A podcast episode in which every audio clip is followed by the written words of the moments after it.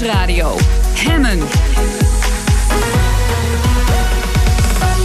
Roelof Hemmen. Welkom bij Hemmen, je dagelijkse deep dive in het nieuws. Precies vijf jaar geleden werd de wereld geschokt door de grootste aanval met chemische wapens in 25 jaar tijd. In de Syrische hoofdstad Damascus werd het gifgas sarin gebruikt. Nu zijn we vijf jaar verder, er is geen veroordeling en de kans dat hij er ooit komt lijkt heel klein. Ik ga erover praten met Peter Weininga, hij is defensiespecialist van het Haag Centrum voor Strategische Studies. Peter, mooi dat je er bent, welkom. Goedemiddag. Laten we even terughalen. Wat gebeurde er deze dag, vijf jaar geleden, in Damascus?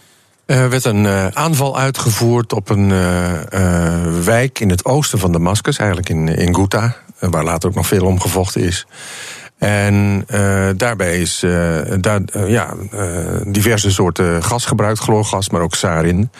dat is aangetoond. En naar aanleiding daarvan wezen alle vingers al heel snel in de richting van het regime in Syrië, van Assad. Uh, en is uh, de wereld uh, ook tot de conclusie gekomen dat Assad zo snel mogelijk zijn chemische wapens moet inleveren. Um, hoeveel doden zijn er destijds gevallen? Weten we dat? Um, dat weet ik niet meer precies uit mijn hoofd. Enkele honderden, ja, geloof ik. Ja, ja veel. Um, we zijn nu vijf jaar verder. Wat, wat is het, welke invloed heeft deze aanval gehad op de oorlog? Je zegt, we, we, dat was het moment dat de wereld het niet meer pikte. Maar ja, we zijn nu vijf jaar verder. En het is nog steeds niet voorbij. Nee, dat klopt. Um, sterker nog, ik denk. Als je al kunt spreken van bijna voorbij, dan is het wel een situatie waarin de bad guys have won. Laat ik het zo maar zeggen.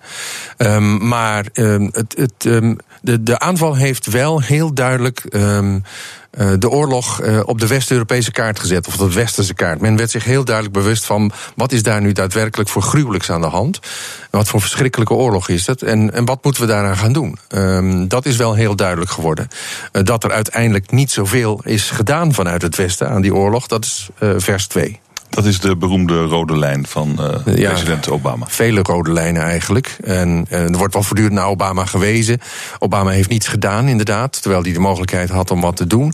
Maar het congres uh, was ook niet echt van plan hem daarin te steunen. En dat zat vol met republikeinen. Met andere woorden, dat is toch wel een gedeelde schuld. Um, je zei, er is. Um, de, de, de wereld heeft eigenlijk heeft, geen onderzoek gedaan uh, naar wie nou precies die, die, uh, die gifgasaanval heeft bevolen, wie hem heeft uitgevoerd. Er zit dus ook niemand voor in de gevangenis. Uh, nou, je, je zei ook al, dat is bijna 100% zeker ja. Assad geweest en, en, en zijn troepen. Hoe komt het dat daar niemand een prijs voor moet betalen? Nou, laat ik zo zeggen, er is wel onderzoek gedaan door de OPCW, de, de organisatie in Den Haag gevestigd. Ja, maar geen strafrechtelijk onderzoek. Maar geen strafrechtelijk onderzoek, inderdaad. Er is geen uh, schuldige dader aangewezen. Um, uh, dat was ook lastig natuurlijk, omdat het uh, in een gebied zich bevond waar je niet makkelijk bij kon komen. De OPCW heeft pas na dagen toegang gekregen van de Syrische en Russische autoriteiten. Um, ja, en dan is het maar de vraag of het uh, spul wat er allemaal ligt nog wel zo duidelijk herleidbaar is tot een, een schuldige. Er is veel, uh, zeg maar, um, indirect bewijs. Ehm, en dat komt veelal neer op het feit dat ja, degene met de beschikking over die wapens en de capaciteit om ze af te vuren op een bepaald gebied, dat was het Syrische regime. zeker op dat moment. dus ja, in die zin kun je wel zeggen, is het vrijwel zeker dat het Syrische regime daaraan schuldig is. En naar aanleiding daarvan heeft uh, de wereld dan ook actie genomen door uh, Syrië te verordoneren die wapens in te leveren en die voorraden uh, met name ook in te leveren. Het is de vraag of dat helemaal voor 100% is gebeurd. Wat is de rol van Rusland in dit hele verhaal? Syrië de hand boven het hoofd houden, voortdurend. sinds 2015 heeft uh, Rusland, uh, sinds 2013 moet ik eigenlijk zeggen, heeft Rusland twaalf keer een veto uitgesproken in de Veiligheidsraad als het ging om onderzoek, als het ging om het, het, beschuldigen van het Syrische regime, et cetera, et cetera. Elke keer weer heeft Rusland Assads regime uit de wind gehouden. Waarom?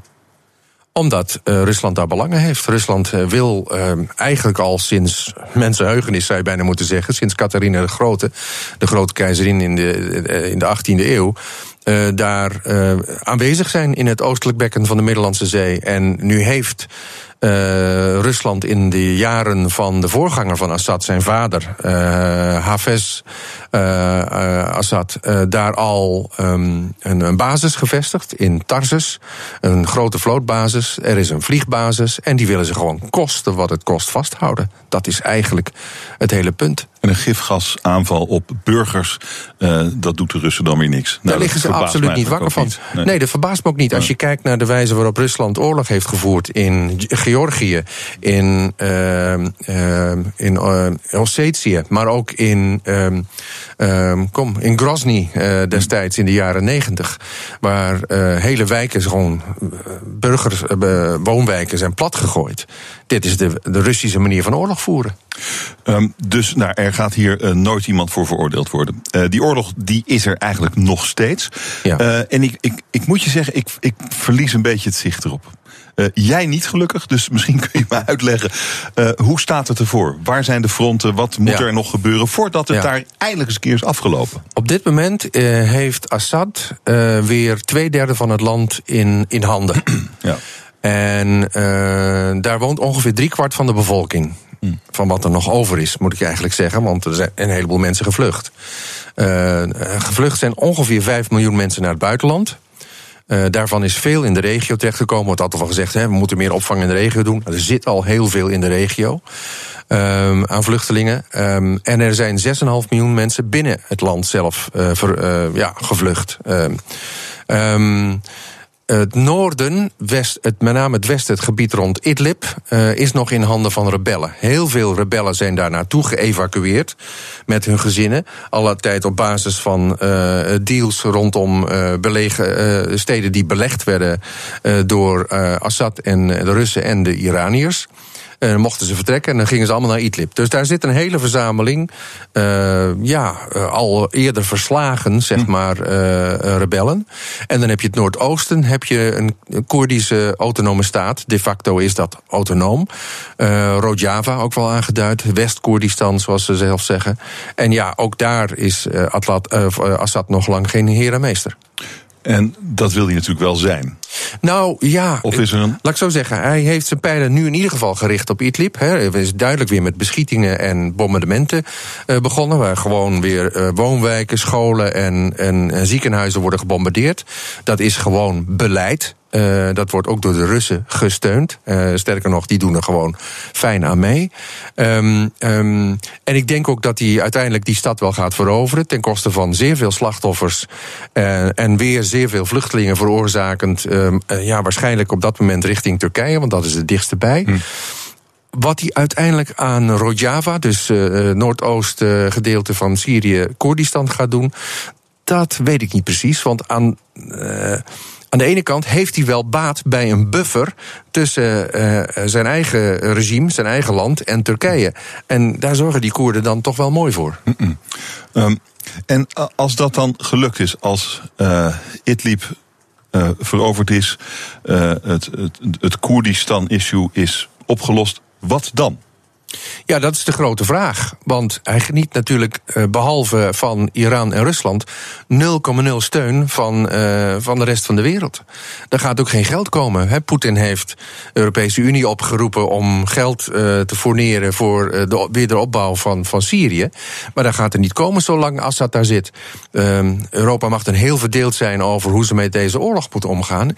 Ehm, wat, wat één ding betreft is Europa wel eensgezind. Zij gaan niet het het uh, regime van Assad weer steunen door daar uh, te investeren in, in uh, wederopbouw. Ja, en, maar ondertussen blijft hij daar wel de dictator. Ja, dat was ook zijn enige doel. Ja.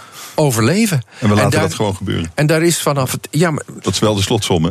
Ja, we laten het gebeuren. Ja. We, hij heeft het ook heel slim gespeeld, hoor, moet ik zeggen. Hij heeft het heel slim gespeeld door vanaf het begin af aan de toen nog uh, zeg maar uh, uh, geweldloze opstand af te schilderen als een jihadistische islamistische beweging, terroristisch. Um, uh, dat is, die propaganda is geloofd door een deel van zijn achterban. De Alawieten, waar die zelf uit voortkomt. De christenen in Syrië, de Druzen in Syrië. En een groot uh, gedeelte van de seculiere Soenieten. Uh, het, zijn dus niet alleen, het is niet alleen maar één clubje die achter hem staat. Um, en vervolgens is hij die leiders van die geweldloze opstand gaan oppakken. Waardoor de rem op het uh, uh, gewelddadig worden, zeg maar, eigenlijk verdween. Ja, ja, en ja. die opstanden als vanzelf gewelddadiger werden. Waardoor hij kon zeggen van, zie je wel, en nu pak ik ze aan. En nu zijn we vijf jaar verder. En nu zijn we vijf jaar verder. Peter Weininga, dank voor je analyse. Peter Weininga hoorde je, defensiespecialist bij het Haag Centrum voor Strategische Studies. Dank je wel. En zometeen medicijnresten in water zijn een steeds groter probleem. En de oplossing is doorgespoeld wc-papier. Hoe dat precies werkt, hoor je zo. In Van Goed naar Beter. BNR Nieuwsradio. Hemmen. Van goed naar beter. Er gaat veel goed in ons land, maar laten we vooral ambitieus blijven. Het kan altijd beter. Vandaag in Van Goed naar Beter het filteren van medicijnresten uit rioolwater. Daar gaat het waterschap Vallei en Veluwe kool voor maken. Gemaakt van doorgespoeld toiletpapier. En daarmee hebben ze een wereldprimeur. Ik praat erover met Tanja Klip. Zij is dijkgraaf van Waterschap Vallei en Veluwe. Dag mevrouw Klip, mooi dat u er bent. Goedemiddag. Medicijnresten filteren met kool. Um, dit moeten we even uit elkaar trekken. Wat zijn precies de medicijnresten die u vindt in het rioolwater? Nou, misschien moet je nog een stapje hoger beginnen. Ja, we hebben okay. namelijk bij uh, het rioolwater wat wij op onze zuiveren binnenkrijgen, zuiveringen binnenkrijgen, te maken met heel veel nieuwe stoffen die we vroeger echt eigenlijk niet tegenkwamen. En daar lees je ook regelmatig over in de krant. Dat gaat over medicijnresten, over hormoonverstorende stoffen, maar ook over allemaal hele kleine deeltjes die van je kleding afkomen, over al die kleine plastic bolletjes. Nano. En onze normale, ja, die nanodeeltjes en onze normale zuiveringen halen dat al die stoffen er niet uit. En uh, dat is een probleem voor onze waterkwaliteit. Dat heeft aan de ene kant te maken met de ecologie, dus plantjes uh, en beestjes, maar aan de andere kant met ons drinkwater. Want oppervlaktewater, waar dat rioolwater uiteindelijk na zuivering weer op terecht komt, wordt voor 40% sowieso uit oppervlaktewater gemaakt en voor 60% uit grondwater, waar dat oppervlaktewater ook daartoe zijpelt. Kortom, uh, en die, die medicijnrestenlast is stijgende. Kortom, we moeten slimme manieren vinden om dat eruit te halen. Ja, want het is slecht als het in ons drinkwater komt. Want dan krijg je die nanodeeltjes, medicijnresten, die krijg je gewoon in je lijf. En wat doen die daar? Nou, die verstoren in ieder geval het normale systeem. We weten bijvoorbeeld al jaren bij vissen, in Brabant met name, dat mannelijke brasems, hè, die krijgen borsten, even grappend gezegd, die krijgen vrouwelijke eigenschappen. Nou, wij willen graag geen brasems met borsten, wij willen gewoon dat brasems mannelijke brasems blijven. Mm. Dat zijn de eerste tekenen dat die, en dat komt dan voornamelijk door het doorspoelen van de pil, dat, dat die hormoonverstorende stoffen echt daadwerkelijk aantoonbaar effect hebben. Ja, maar dat, dat gebeurt dus ook met mij als ik dat water drink als u er niks aan gedaan heeft. Ja, misschien heeft u iets meer van die stoffen nodig dan die brasem. ja, maar, maar dit is wel geval, onrustbarend natuurlijk. Nou, dat, dat klopt. Ja. En we moeten het eruit halen. Maar dat soort stoffen zijn allemaal verschillend van samenstelling. Ook medicijnresten zijn bestaan uit verschillende clusters type -hmm. medicijnresten. Dus die kan je niet op, allemaal op dezelfde manier eruit halen. Nou, een van de manieren om groepen medicijnresten eruit te halen is actief kool. Dat wordt al bijvoorbeeld in Duitsland en Zwitserland grootschalig voor dat doel gebruikt, maar dan wordt het gemaakt van steenkool. Ja, want wat, wat is het precies, actief kool? Ja, het is in principe hetzelfde de Norrit die je ook hè? slikt als, Ja. je, als je, je hebt tig soorten actief kool. En het, de eigenschappen van die kool is dat ze een heel groot absorberend vermogen hebben. Dus ze binden andere stoffen ja, aan zich. Zodat je het er nou- makkelijk uit kunt halen. Precies. Ja, en wat nou het bijzondere is aan, aan, aan het traject waar wij mee bezig zijn, is dat we niet, dat we dus ook actief kool maken, maar dat maken we, en u zei dat in uw inleiding, dat maken we van het wc-papier eh, wat doorgespoeld wordt. Dus wij halen op zo'n rioolwaterzuivering met grote zeven eh, al het vaste spul eruit. Dat zijn ook bladeren en takjes, maar voor twee derde is dat wc-papier.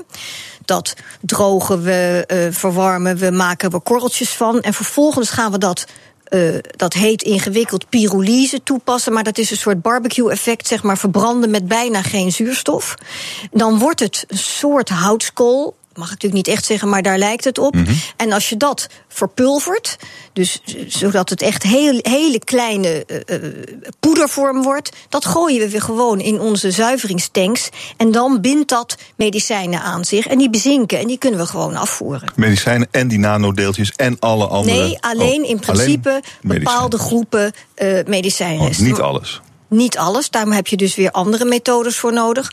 Maar het mooie hiervan is, dus punt 1, dat we het doen met het oog op de waterkwaliteit. Maar punt 2 is er een link met de circulaire economie, want dat willen we ook allemaal. We brengen opnieuw praktisch in omloop grondstoffen die al in omloop zijn. Dus we hebben geen nieuwe bomen of, of uh, uh, steenkool nodig. We gebruiken gewoon dat, uh, dat wc-papier waar we uiteindelijk die actieve kool van maken. Maar u weet wat wij doen met wc-papier. Is dat geen bezwaar in dat hele proces? Nee, dat is geen bezwaar, want er zitten een aantal uh, processen tussen. Die pyrolyse verhit het dus heel erg. En uh, uh, daar komen overigens een aantal stoffen vrij, dus die actieve kool. Maar ook pyrolyseolie, die verkopen gewoon als biologische stookolie. Komt een gas bij vrij dat we weer gebruiken om dat verwarmingsproces voor, zeg maar, te ondersteunen. Dus we hebben geen extra energie nodig. En ook een zuur, wat vervolgens ons zuiveringsproces weer verbetert. Dus er komen allerlei stoffen vrij die we ook weer in onze eigen processen uh, gebruiken. Zodat het en energie-neutraler wordt en schoner. Dat is een slim idee. Hoe kwam u daarop? Um, alle waterschappen zijn samen met het Rijk, met farmaceuten, met kennisinstellingen bezig om op allerlei innovatieve manieren proberen dat water steeds schoner, mm. ons oppervlaktewater steeds schoner te krijgen. En in dat soort innovatieve trajecten uh, komen dit soort ideeën op. We weten wat kool doet. We weten dat dat uiteindelijk uh, C, koolstofmoleculen zijn. Ja, die zitten ook in wc-papier. En dat hebben we in overgrote hoeveelheid. En doordat wij dat eruit halen, wordt onze rioolwaterstroom ook kleiner. Dus we kunnen ook effectiever zuiniger. Dus het is echt zuiveren. Dus het is echt een combinatie ja. van veel dingen waar het echt schoner door wordt ja. en circulairder. En goedkoper ook misschien, of niet? Want hoe deed u het eerst, die medicijnen eruit halen? Nou, eerst deden we dat niet. Oh, helemaal niet? Nee, want die medicijnresten die, uh, ze blijven een beetje hangen, maar het overgrote deel uh, gaat, er door, gaat dus door onze zuiveringsstappen heen. En landelijk zeggen we, eigenlijk moet je als je naar die medicijnresten kijkt, uh, maar eigenlijk geldt dat ook voor bijvoorbeeld die microbeads, dus die kleine plastic bolletjes. Eigenlijk moet je punt 1 zorgen dat dat er niet in komt. Dus we zijn met farmaceuten, farmaceutische industrie in gesprek. Kun je sommige medicijnen niet beter afbreekbaar maken? We zijn met apothekers en gemeenten in gesprek. Opdat mensen niet hun, wc, hun medicijnen door de wc spoelen, maar gewoon inleveren bij de apotheek. We zijn met huisartsen in gesprek. Schrijf alsjeblieft bewust voor. De tweede stap is, als het er dan als het dan toch die kant op gaat, probeer het van tevoren te scheiden. Er zijn steeds meer ziekenhuizen die filters, farmafilters aan het eind van hun afvalstroom plaatsen, zodat het niet in het rioolwater komt, al die medicijnresten.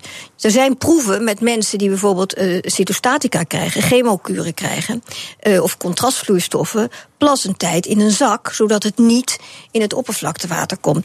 Is de tweede stap. En dan de derde stap is probeer het zo slim mogelijk te zuiveren. Nou, daar is ons traject met die actieve kool is daar een belangrijke innovatie in. En zo zullen er nog veel meer volgen. Uh, ja, welke dan bijvoorbeeld? Want u vertelde dat u niet alle medicijnresten pakt. En die nanodeeltjes uh, dus ook nog niet.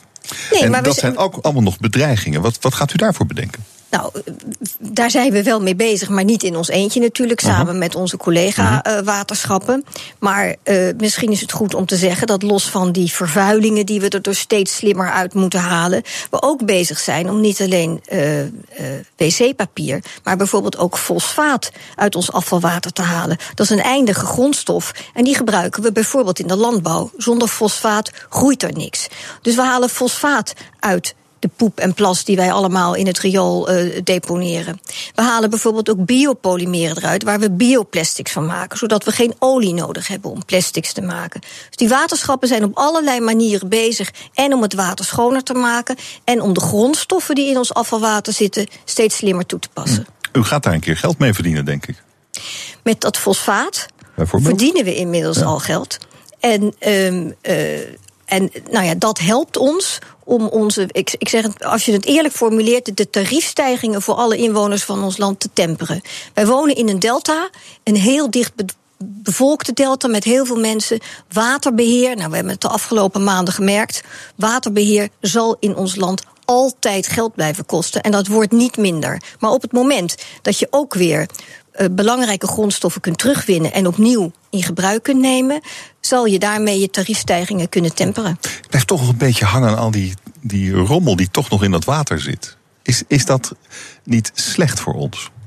Op termijn wel. We meten, we, we kunnen in Nederland ontzettend veel. Dus we meten heel precies. Nu is het nog geen bedreiging. Hm. Maar er zijn wel alarmerende aantallen.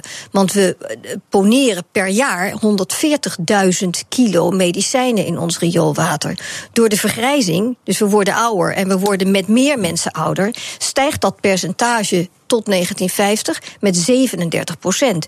Dus er is wel urgentie. Het is nog niet gevaarlijk, er is geen crisis. Maar we zijn met z'n allen bezig om al dat soort slimme manieren te ontwikkelen. Nou, en één daarvan heb ik er vandaag toegelicht. Dank u wel daarvoor. Tanja. Klip, dijkgraaf van Waterschap Vallei en Veluwe. Dank u zeer. BNR Nieuwsradio. Hemmen. Roelof Hemmen. Fijn dat je luistert naar Hemmen, je dagelijkse deep dive in het nieuws. We gaan het hebben over schimmels. Schimmels zijn niet zo heel sexy, dus we hebben het er niet zo heel vaak over. Dat is onterecht, want bij schimmels zien we steeds meer resistentie ontstaan... en dat kan levensgevaarlijke gevolgen hebben voor ons. Dus we duiken in de wereld van de schimmels. Mijn gast is Ferry Hagen, microbioloog bij het Westerdijk Instituut. Dag meneer Hagen, welkom, mooi dat u er bent. Ja, goedemiddag, dank voor de uitnodiging. Een van die levensgevaarlijke schimmels waar u zich mee bezighoudt... is de Candida auris. Wat is dat en wat voor kwaad kan die doen? Nou, Candida auris is een gist, en dat is een soort, ja, specifiek soort schimmel. eh, en die veroorzaakt bloedvergiftiging. En als je bloedvergiftiging hebt, ja, dat is natuurlijk niet prettig. Je gaat- Eh, nou, daar ga je dood van. ja, Oh, oh, is- uiteindelijk wel, als het onbehandelbaar Ja. is. En dat is dus het geval bij Candida auris. Eh, tot 40% van de Candida auris eh, infecties blijkt te worden, te worden veroorzaakt door een Candida auris die resistent of multiresistent is. En er gaan dus heel veel mensen aan dood. Hoeveel? Nou, Candida auris is relatief nieuw in de medische microbiologie. Ehm, wereldwijd sterven er ongeveer anderhalf miljoen mensen per jaar aan een schimmelinfectie. En een groot gedeelte ervan dus door een candida-infectie. En candida auris is maar ja, een klein onderdeel daarvan. Maar we weten pas sinds tien jaar van het bestaan van candida auris af. En eh, nou, wat vooral schrikbarend is aan candida auris is, is dat deze grote uitbraak in ziekenhuizen veroorzaakt. En daar ook nog eens slecht weg te krijgen is. Ehm, hoe kom je aan zo'n dodelijke schimmel? Nou, bij Candida auris weten we niet hoe die uiteindelijk eh, op een patiënt terechtkomt. Maar de patiënt, eh, als hij hem eenmaal op zich heeft, zeer waarschijnlijk op de huid, dan dringt hij het lichaam binnen eh, via de infuuslijn. Ja, en dat is natuurlijk een plaats waar vaak infecties Ah, ja. ja, beginnen bij mensen die al een verzwakt immuunsysteem hebben. De schimmel is eigenlijk in het ziekenhuis al. Ja, of een patiënt brengt hem binnen. Brengt hem mee. Ja. Ja. Eh, maar bij Candida auris is het zo dat deze zich heel makkelijk kan verspreiden binnen een ziekenhuis. Omdat eh, Candida auris moeilijk weg te krijgen is met de standaard middelen die in een ziekenhuis worden gebruikt om ja, ruimte schoon te maken, bedden te desinfecteren. Hoe, waar komt dat opeens vandaan?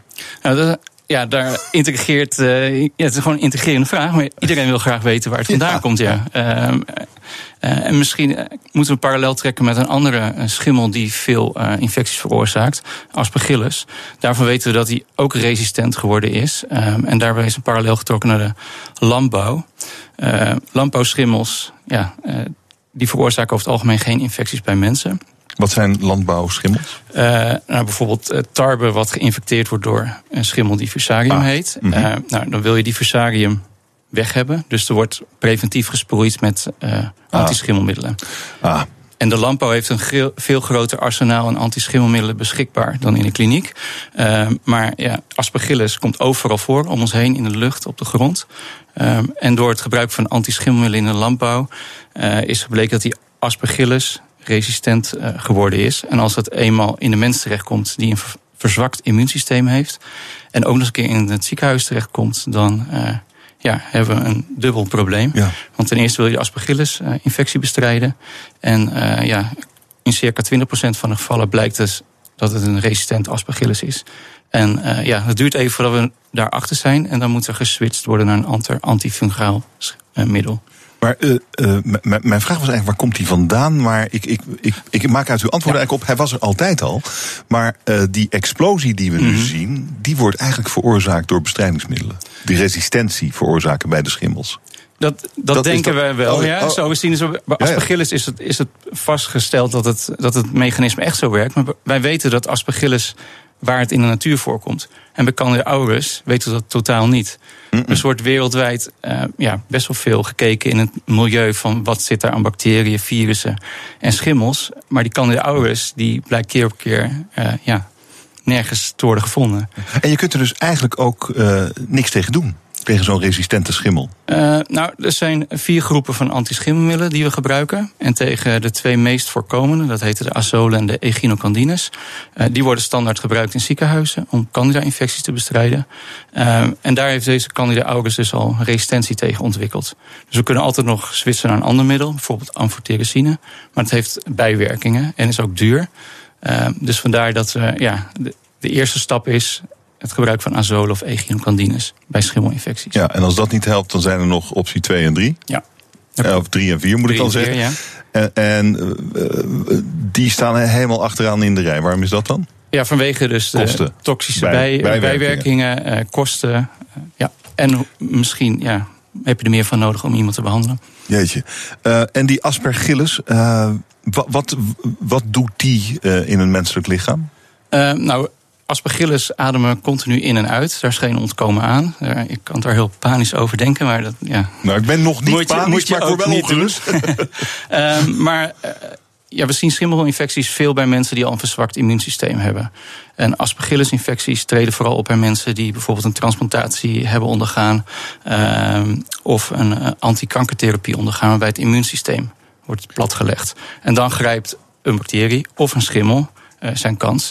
En daar wordt van tevoren wel uh, ja, maatregelen voor genomen. Uh, bijvoorbeeld door het toepassen van azolen, dat specifieke Mhm. antischilmiddel. Mm -hmm. Maar als die aspergillus, die dan resistent is tegen azolen, een infectie veroorzaakt. Ja, dat duurt een paar dagen voordat dat bekend is. Uh, maar ja, de patiënt is ondertussen uh, slechter aan toe. En ongeveer ja, 60 keer per jaar uh, overlijdt er in Nederland iemand aan een aspergillusinfectie. 60 doden per jaar door.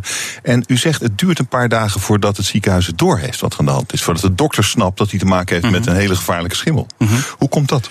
Um, dat nou, wij starten dus standaard met een bepaalde therapie. Um, maar je gaat in het laboratorium diagnostiek uitvoeren. Um, en dat kun je natuurlijk doen met de, de standaard kweekmethode. Dus dan duurt het al 1, 2 dagen voordat je iets in het laboratorium hebt groeien. Um, maar ja, wat we nu steeds vaker gaan gebruiken zijn zogenaamde DNA-technieken. Uh, daarbij kun je eigenlijk binnen een dag vaststellen of iemand een aspergillusinfectie heeft. Ja. En of die resistent is. Maar dat is allemaal ja, vrij nieuw. Uh, en men probeert daar uh, ja, uh, meer informatie over te verkrijgen van hoe duidelijk is die informatie die je krijgt. Maar 60 doden per jaar lijkt me wel reden om een beetje je best te doen. Dat klopt. Toch? Ja, nou, dat, dat wordt ook ja. gedaan in Nederland. Maar ja, ja. ja wat voor. Ja, want, want je moet, sorry dat ik onderbreek, maar je moet het dus heel snel doorhebben wat het voor infectie is. Mm -hmm. Anders ben je gewoon te laat. Ja. Uh, en als je dan, uh, als je bijvoorbeeld na één dag, als je zo'n zo, zo snelle DNA-test zou doen, als je dan na één dag door hebt, nou, dit is zo'n schimmelinfectie, we moeten nu wat doen. Is er dan tegen die, die as, asperen, nou ja, die asperge, asper, ja, is daar dan, is daar dan ook onmiddellijk in een Nederlands ziekenhuis iets tegen te doen? Ja. We kunnen dan direct switchen naar een ander middel. Uh, dus dat gebeurt natuurlijk ook. En momenteel zijn er nieuwe richtlijnen. maar er is het nodige aan debat over omdat ja, het ene academisch ziekenhuis ziet heel veel resistente aspergillus. Bijvoorbeeld in het Westland. Uh, terwijl je in uh, het zuiden van Nederland amper een resistente aspergillus ziet. Hoe en dat, dat heeft te maken, uh, zeer waarschijnlijk, met bijvoorbeeld bloembollenteelt. Daar worden natuurlijk preventief antischilmiddelen gebruikt. Dus daar zien we een hogere concentratie van patiënten met een resistente aspergillusinfectie. Nou, de, de eerste stap lijkt me dan om te stoppen met die bestrijdingsmiddelen dat is een stap die genomen kan worden. Maar zo. Vindt u, vindt, bent u het daar niet mee eens? Zou dat uh, niet Daar ben ik helpen? het mee eens. Uh, maar kijk, in de landbouw even, kan men gebruik maken van een cocktail aan antischilmiddelen. En dat doet men ook. maar het zou mooi zijn als we die middelen die het meest lijken op, op de middelen die we in het ziekenhuis gebruiken, om die te vervangen door een ander middel, wat niet veel overeenkomst heeft met ja, middelen die in het ziekenhuis toegepast worden. Ja. Is dat eenvoudig te doen, die cocktail veranderen? Ik denk het niet, want anders was er al actie op ondernomen om dat uh, te doen. En ja, ik weet wel dat er uh, vanuit het RIVM uh, onderzoek gedaan wordt van hoe kunnen we ja, daar iets aan gaan doen. Maar ja, verder dan dat ben ik daar niet mee bekend. Maar vindt, vindt u het niet een beetje karig? Ik bedoel, stel je voor dat een, dat, dat een boer elke, elk jaar 60 mensen met zijn trekker doodrijdt. Dan zouden we daar ons toch wel zorgen over gaan maken. Ja. Uh, of het karig is? ja, ik denk, persoonlijk denk dat, dat er vanuit de landbouwsector. Uh, uit een vak, in een vakvereniging echt wel nagedacht wordt over hoe, ja, ja. Kunnen, hoe kunnen we dit anders gaan doen. Maar ja, dan heb je alleen maar Nederland aangepakt. En aspergillus uh, zit in de lucht en het komt overal vandaan. Uh, dezelfde problemen zien we natuurlijk ook in uh, Zuid-Amerika, waar bijvoorbeeld in Colombia is ook enorm veel bloembollen teelt. Daar zien we ook best wel veel resistente aspergillus-infecties. Dus ja, pak je het alleen in Nederland aan, dan is het probleem eigenlijk nog niet bestreden. Nee. Dus dit moet echt internationaal aangepakt worden. Ja, en, en daarmee duurt het lang. Dat is wat u impliceert. Ja, helaas wel. Hoe groot zijn de risico's voor de toekomst van de, de schimmels waar we het nu over hebben? Dit, uh, dit eigenlijk denk ik dat het alleen maar meer zal worden. Ja. Het dat... risico alleen maar groter en, en, en het aantal slachtoffers alleen maar meer. Helaas wel, maar ja, we zien ook een toename sinds de afgelopen twintig jaar in het aantal soorten schimmels dat uitbraken veroorzaakt. Uh, maar dat ook al uh, ja, vanaf het begin dat wij ze kennen eigenlijk resistent zijn tegen de meest gebruikte antischimmelmiddelen. Uh, maar ja, het, het is tot dusver niet echt te verklaren hoe er nou zo'n enorme toename is aan deze uitbraak. En het is natuurlijk heel makkelijk om te wijzen naar klimaatsverandering. Uh, maar ja, om dat nou ja, zwart op wit ja. U, u, u, ja, u bent microbioloog. U zou het moeten weten en u weet het niet. Zo simpel is het. Klopt, dus dan, ja. dan de wetenschap ja. heeft hier dan geen antwoord op. Nee. Um, maar ik denk dan toch dat er wel, uh, ook in de ziekenhuizen, is er misschien uh, meer awareness nodig van het risico dat patiënten daar lopen. Of heeft u het gevoel dat de ziekenhuizen er wel bovenop zitten? Nou, we hebben natuurlijk de afgelopen uh, maand een groot schimmelcongres in Nederland gehad. En daar is natuurlijk heel veel aandacht uh, voor geweest in de aanloop daar naartoe. Um, ook binnen de, de Nederlandse medische microbiologie-tak. Um, dus men is in Nederland erg op de hoogte van ja, het kunnen en kennen van allerlei schimmels en wat voor ziektes ze kunnen veroorzaken. Um, maar je ziet vooral in ja, bijvoorbeeld het aanvragen van onderzoeksgelden, dat de aandacht heel erg uitgaat naar uh, antibacteriële uh, middelen en de resistentie daarvan. En uh, ja, schimmels uh, zijn daarbij een ondergeschoven kindje. Ja, het probleem is misschien, het is misschien niet zo sexy, schimmelonderzoeker worden. Toch is Ferry Hagen dat wel geworden. En zometeen legt hij uit waarom schimmelonderzoek uit het wetenschappelijke verdomhoekje moet. BNR Nieuwsradio. Hemmen. Schimmels zijn een stuk minder populair dan bacteriën in wetenschappelijke en medische kringen. Terwijl het wel heel belangrijk is om ze te bestuderen. Je hoort het net van microbioloog Ferry Hagen, mijn gast. Hij is van het Westerdijk Instituut. En ooit, meneer Hagen, was er een dag dat u, uh, dat u dacht: ik wil microbioloog worden en ik wil alles weten van schimmels. Ja, die dag was er zeker. Maar was, toen was ik nog heel jong. Dat ik ja. wilde dat ik microbioloog uh, zou zijn. Um, en uiteindelijk was het moment daar. Maar toen werkte ik nog met zoetwaterbacteriën. En toen had ik als stagiair telkens problemen met schimmels in mijn kweekjes. Uh, en toen kwam ik in contact met het Westerwijk Instituut. En dat is al kleine twintig jaar geleden. En zo uh, ja, ben ik doorgestoomd in de mooie wereld van de schimmelkunde of mycologie, zoals dat heet. Wat fascineert u aan schimmels? De enorme diversiteit. De, ze zien er echt schitterend uit. Uh, gewoon in het lab, in je handen. Maar ook uh, ja, als je door de microscopen kijkt. Ja, ik vind ze er spectaculairder uitzien dan bacteriën. Maar we, we, we, hebben het net uh, een hele tijd gehad over de enorme risico's en het aantal doden, anderhalf miljoen doden, door die schimmels. Ja. Is dat ook een deel van uw fascinatie?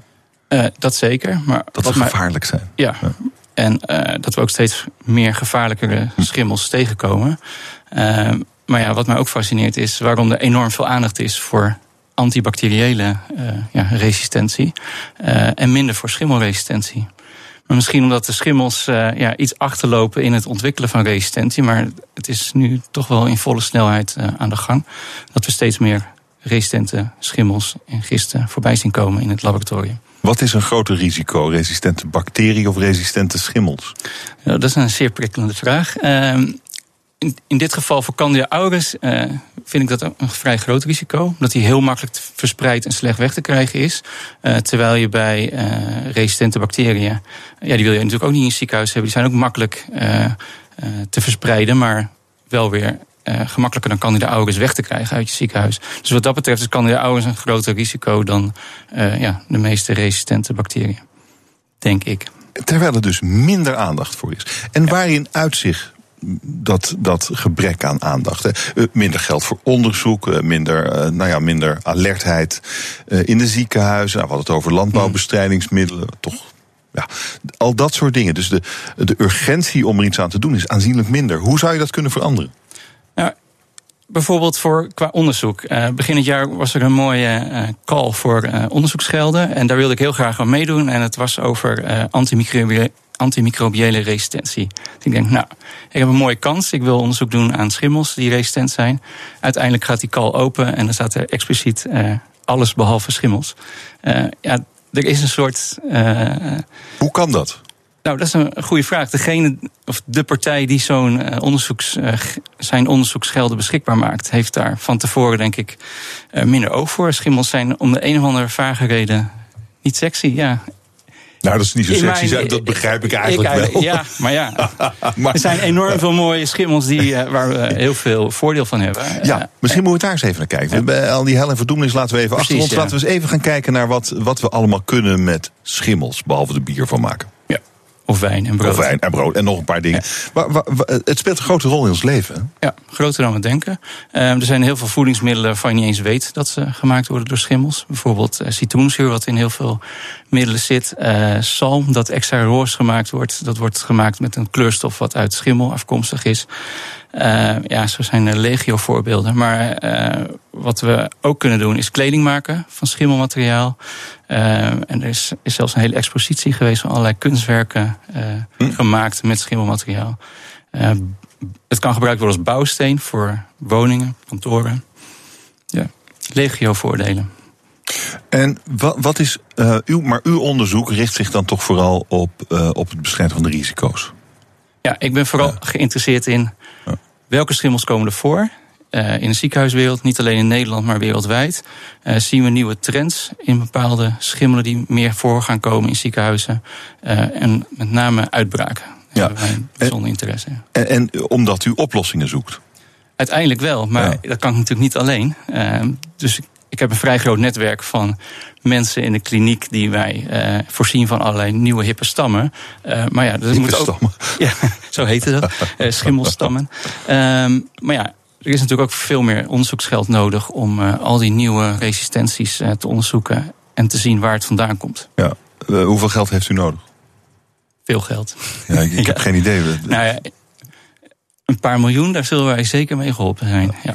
Een paar miljoen. En um, dat, daarmee kunt u dus uiteindelijk levens redden. Ja. Zo simpel mag je het gewoon zeggen. Ja, wij willen gewoon bijvoorbeeld alleen al weten waar komt die Candida auris voor in de natuur. En als je daar, eh, het meest basale is gewoon in de omgeving kijken waar Candida auris voorkomt. Hm. En dat is niet eens heel erg duur, maar ja. Je moet wel even geld hebben. Precies. Ja, En als we dat eenmaal weten, kunnen we weten, kunnen we onderzoeken hoe een Candida auris uit het milieu resistent geworden is en problemen veroorzaakt in de kliniek. Ja, het ligt zo voor de hand om dat geld gewoon beschikbaar te stellen. Het, toch is het heel moeilijk. Hm. Ja. Uh, wanneer denkt u dat, we, dat u en uw collega's uh, die die resistentie van schimmels een halt hebben kunnen toeroepen. Of in elk geval uh, goede middelen hebben kunnen bedenken om er iets tegen te doen, zodat je er niet meer aan dood gaat. Nou, er zijn natuurlijk uh, alweer nieuwe middelen in de pijplijn, zoals dat heet, of pijpleiding.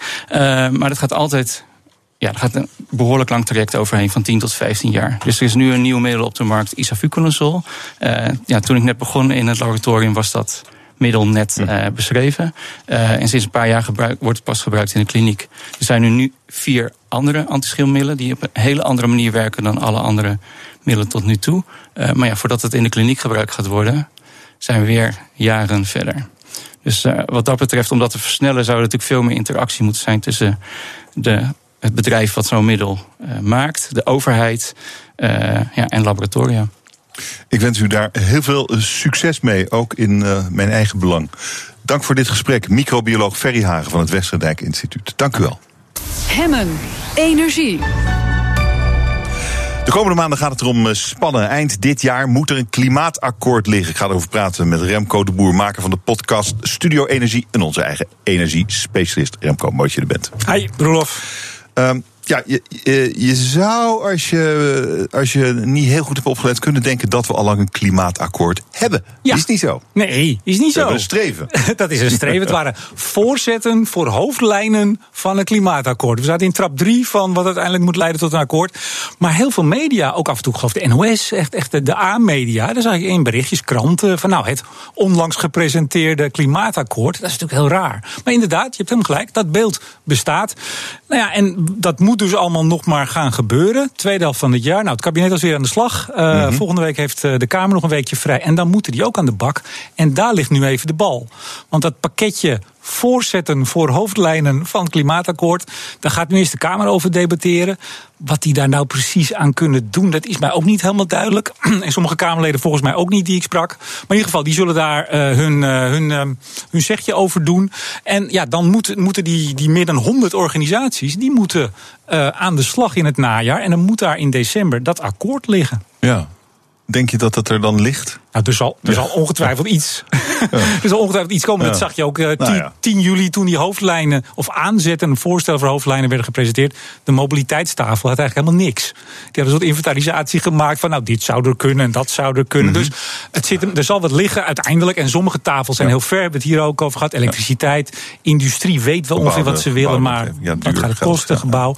Dus daar komt wel wat. Ja, ja. Ehm, nou goed, dat, dat gaan we zien. Eh, jouw aandacht eh, de afgelopen eh, week viel op een interview met CDA-leider Sibrand Buma. Zeker. Vertel. Vorige week, eh, wanneer kwam het uit? Ik geloof vrijdag, hè, komt Elsevier uit. Daar had hij een interview, dat ging wat breder hoor. Een beetje een aanleiding ook van zijn HJ School-lezing. Maar daar had hij toch een flink, eh, flinke passage over ja, klimaatbeleid. En over hoe we daar nou mee verder moeten. En hij ziet voor zich een herhaling van de Pim Fortuyn-revolte, zoals hij dat noemt. En dan niet over migratie zoals toen, eh, maar over klimaat. En hij eh luidde wel degelijk eh, stevig de noodklok over de tweedeling die hij ziet eh, ontstaan in Nederland. Als het gaat over duurzaamheid, klimaatmaatregelen. Mensen die zeggen: zal ik een elektrische Porsche nemen of een Tesla? Ten opzichte van mensen die zeggen: nou, ik ben blij dat ik alweer tien jaar in mijn tweedehandsje kan rijden. En op zich kun je zeggen: nou, dat is natuurlijk terecht. Ik denk ook dat hij daar een goed punt heeft. Maar wat natuurlijk wel gek is, het CDA is regeringspartij. Buma heeft ongeveer eigenhandig dat regeerakkoord in elkaar zitten sleutelen... met een ver boven de EU uitgaande duurzaamheidsambitie. Ehm, het CDA heeft de klimaatwet mede ingediend. Kamerlid Agnes Mulder had nog een filmpje gemaakt... waarin ze in slow motion, alsof in een heel gedragen moment... ze naar de zaal ging om de presentatie... Dus echt, echt soort van historisch belang. En dat is ook het CDA. Ja, en eh, Elko Brinkman ook nog. En die kwam er een dag later nog eens overheen. Die zei, ja, even hoor, die klimaatwet, eh, hoe noemde hij het? Eh, ja, gewoon hol, holle, lege symboolpolitiek. Nou ja, hij moet, er- hij moet er nog langs, dus eh, ik ben benieuwd wat CDA gaat doen. Maar je ziet Maar- dus hier, ja, Waar, waar, waar zijn ze mee bezig? Wat, wat betekent dit? Wat zegt dit? Nou, ik, ik denk dat ze aan het voorsorteren zijn. Eh, ik denk dat ze eh, heel terecht zien dat er in de maatschappij een ontwikkeling is. Hè. Kijk, we hebben tot nu toe, en nu is niet vandaag letterlijk of dit jaar, maar we hebben in de jaren hiervoor gezien, het kon niet op, hè, de ambitie. We gingen, we gingen de aarde redden. We hebben nu nog, nogmaals een hogere ambitie dan in Europa.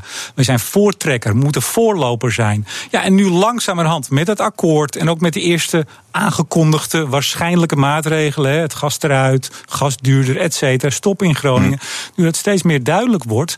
Ja, denk ik dat het CDA gewoon de handen vrij wil houden. Kijk, op het, het is natuurlijk heel gek, Roelof. Dat op het moment dat jij regeringspartij bent die net met een nieuw kabinet aan de slag is. Dat de partijleider weliswaar in de Kamer gaan zitten hè, om het dualisme. Dat was eigenlijk het idee. Hè. Ja. Ze moesten een beetje de handen vrij. Maar kom op, hij heeft het zelf in elkaar zitten sleutelen. Het is natuurlijk heel gek dat je dan eigenlijk, eigenlijk je handen ervan aftrekt. Mhm. Je zegt, jongens, wat gebeurt hier? Hier moet iets gebeuren. Ja, je hebt het zelf gedaan. Ja, het is interessant eh, wat je zegt. We hebben het hier natuurlijk vaker gehad over eh, wie de transitie gaat betalen. Ehm, en dat is waarschijnlijk waar eh, Buma het over heeft. En het, het- protest dat dat zou kunnen gaan opleveren. Want het is niet niks wat, wat ons boven het hoofd hangt. Absoluut. Maar dan zou je ook kunnen zeggen, dat is dan nu het moment om ervoor te zorgen dat dat niet uit de hand loopt. Ja, en dan zou je hopen dat een. Kijk, als dit nou een oppositiepartij was, Ja. dan zeg je, nou oké, dat snap ik. Kijk, de SP. Eh, die hebben een nieuw, nieuw programma eigenlijk, hè, een nieuw speerpunt. eh, klimaatrechtvaardigheid. Die vinden het onrechtvaardig als de burger dit zou moeten, zou moeten gaan betalen. Nou, die moet betalen, dus je snapt, de SP kan nog jaren door met, eh, met campagne. Ja. Maar dat, dat het CDA dit doet, en vergis je niet, de VVD zit hier ook heel dicht tegenaan. Hè? VVD zegt, we gaan geld verdienen met die transitie. Uh, het moet niet in comfort minder. Bij de presentatie van de mm -hmm. Klimaatwet zei uh, het VVD-Kamerlid... Zei, ja, tegen Dijkhoff, in ook weer een leuk videootje. Tegenwoordig is alles video. Uh, ja, we gaan niet met geitenwolle sokken in een koud huis zitten. Hè. Dus het idee is, we gaan die doelen halen. Zeker, we gaan er ook nog geld aan verdienen. En het, ja. het gaat ons niks kosten, figuurlijk of letterlijk. En dat gaat ook spaak lopen. Dus hier wordt voorgesorteerd op... jongens, jongens, moeten we dit nou wel allemaal doen? En premier Rutte zei... Ik ben even kwijt wanneer het was. Ik was op een bijeenkomst. Volgens mij heb ik hem jou al een keer verteld hier in de uitzending. Uh, op een kleine bijeenkomst voor energieprofessionals in Den Haag voor de zomer. En op een vraag over dat Nederland toch de hoogste ambitie zei. Ja, we gaan natuurlijk niet meer doen dan Europa. Ja, ja, ja, ja. ja. Dus je ziet, dat wordt straks allemaal wat teruggehaald. Is het typisch voor de politiek? Ik denk het niet. Ik denk het niet. Er was natuurlijk een hartstikke leuk berichtje afgelopen zaterdag in de Telegraaf. Onze klimaatpaus Ed Nijpels, de man die. Oh, iedereen...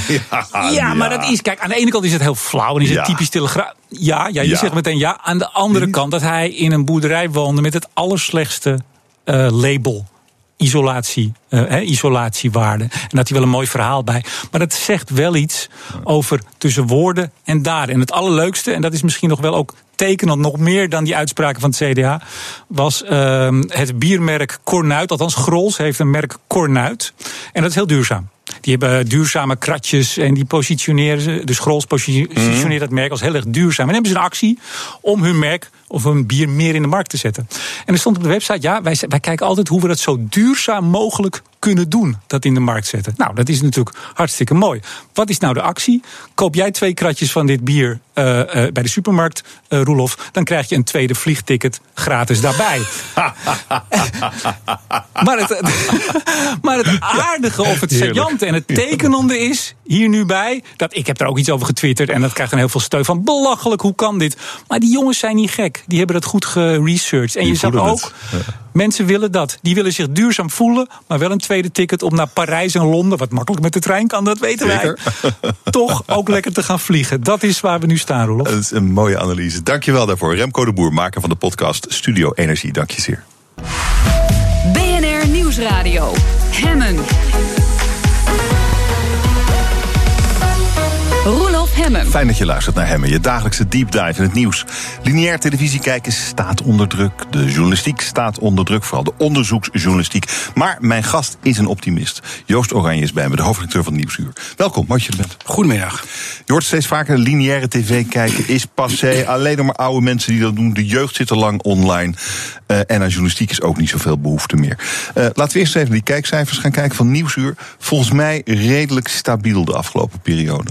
Ja, zeker deze zomer um, doet Nieuwsuur dat uh, nog best wel redelijk goed. Maar dat neemt niet weg dat ook wij natuurlijk te maken hebben met uh, dalende kijkcijfers. Als je het uh, kijkt over de afgelopen vijf jaar bijvoorbeeld, dat zie je dan natuurlijk bij alle zenders en bij alle programma's en dus ook bij ons.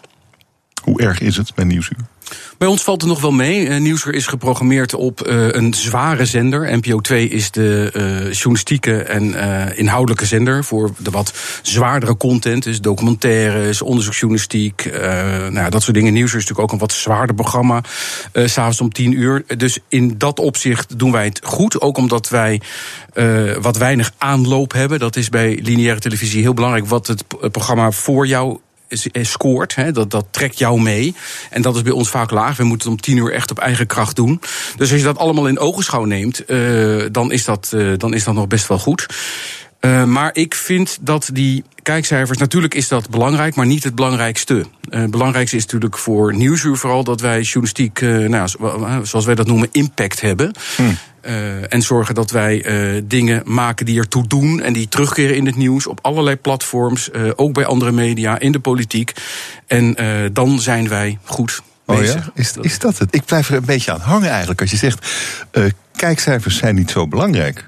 Het is nou, niet zo belangrijk. Uit... Tuurlijk is het belangrijk. Het, nou ja, maar minder dan evident, de impact maar, van het programma. Ja, dat, ik, is, ik, dat is wel een statement. Ja, want ik denk dat, dat, uh, dat het minder belangrijk is geworden dan vroeger. Vroeger uh, konden televisieprogramma's natuurlijk ook wat makkelijker achterover hangen... omdat er minder concurrentie was en men toch wel keek. Dat is tegenwoordig natuurlijk toch wel anders. Dus moet je uh, je journalistieke kwaliteit en je journalistieke content... moet je op een andere manier presenteren. Niet alleen maar op dat lineaire, nee. maar bijvoorbeeld ook heel erg online... wat wij natuurlijk ook heel heel erg doen met Nieuwsuur. En je moet gewoon heel er, er heel erg goed voor zorgen dat je eh, betrouwbare en goede journalistiek maakt. En dat, je, dat dat ook terugkomt, ook bij andere media. Dus dat zijn allemaal elementen die belangrijker zijn geworden. Je merknaam eigenlijk, je imago, Ja. je resultaten. Ja. Oké, en hoe- oh, nou oké, ik snap wel kijkcijfers lineair, maar kijkcijfers als geheel online, dat wil je natuurlijk wel hebben. Hoe doet Nieuwsuur het online? Nieuwsuur doet het online heel goed en steeds beter. Dat komt natuurlijk ook omdat wij. eh, Hoeveel mensen zijn dat? Nou, het hangt er heel erg van af. Eh, kijk, hele uitzendingen terugkijken online, eh, dat gebeurt natuurlijk niet zoveel. Zeker niet bij Nieuwsuur, want dat wordt om tien uur uitgezonden. Het is heel erg gekoppeld aan de actualiteit. De volgende dag is er weer nieuw nieuws. Maar wat wij wel zien, is dat bepaalde onderwerpen, eh, series, eigen nieuws, nou ja, dingen waar wij echt mee scoren. En die vervolgens ook worden doorgeplaatst op nos.nl. Nieuwsuur is, zoals je weet, een gezamenlijk programma van de NTR en de NOS. Dus wij zijn online ook gekoppeld aan nos.nl. Nou, dat is natuurlijk een van de belangrijkste nieuwsplatforms van Nederland. Dus als wij met Nieuwsuur content van eh, enige importantie hebben, dan zit dat ook op nos.nl. En daar merken wij natuurlijk meteen heel veel voordelen van. En ehm, nou, je ziet ook niet alleen bij eigen nieuws en, en eh, diepgaande analyses en zo, maar ook bij bijzondere dingen. We vorige week bijvoorbeeld hebben we een zomerserie uitgezonden, eh 18 in 18 heette dat. Dat waren vijf afleveringen, wat een beetje een generatie schetste van eh, jongeren die in 2000 geboren zijn en nu 18 zijn en hoe die tegen de wereld aankijken. Eh, nou, dat heeft het lineair goed gedaan, maar dat heeft het vooral ook online heel erg goed gedaan. En ook bij een jongere doelgroep. En je ziet Ja, ook dat andere online platforms dan alleen NOS.nl dat dan ook over gaan nemen. Linda Nieuws bijvoorbeeld neemt zoiets ook over. De hele serie. De hele, ja, dus zo, zo, zo landt onze Ja, ja. content eh, ook op andere online platforms. En uiteindelijk is dat natuurlijk wat je wil. Jouw eh, kwalitatieve content die wij maken, zo breed mogelijk bekendmaken. En dat is eigenlijk veel meer dan het programma. Het is content en er staat een stempeltje op. Zeker, precies. En het is, Ja. dat is niet het programma. Nee. Hmm. En dat is natuurlijk ook wat wij moeten doen. Hè. Wij zijn een publieke omroep. Wij worden gemaakt door twee taakomroepen. Eh wij hebben verder niet een missie anders dan een journalistieke. Hè. KRO en NCV of, of Afro-Tros. Die hebben natuurlijk ook vanuit het verleden nog een bepaalde missie. Komen vanuit een bepaalde achterban. Dat is bij Nieuwsuur niet zo. De NOS en de NTR zijn eigenlijk niet meer dan wettelijke stichtingen... die een deel van de mediawet uitvoeren.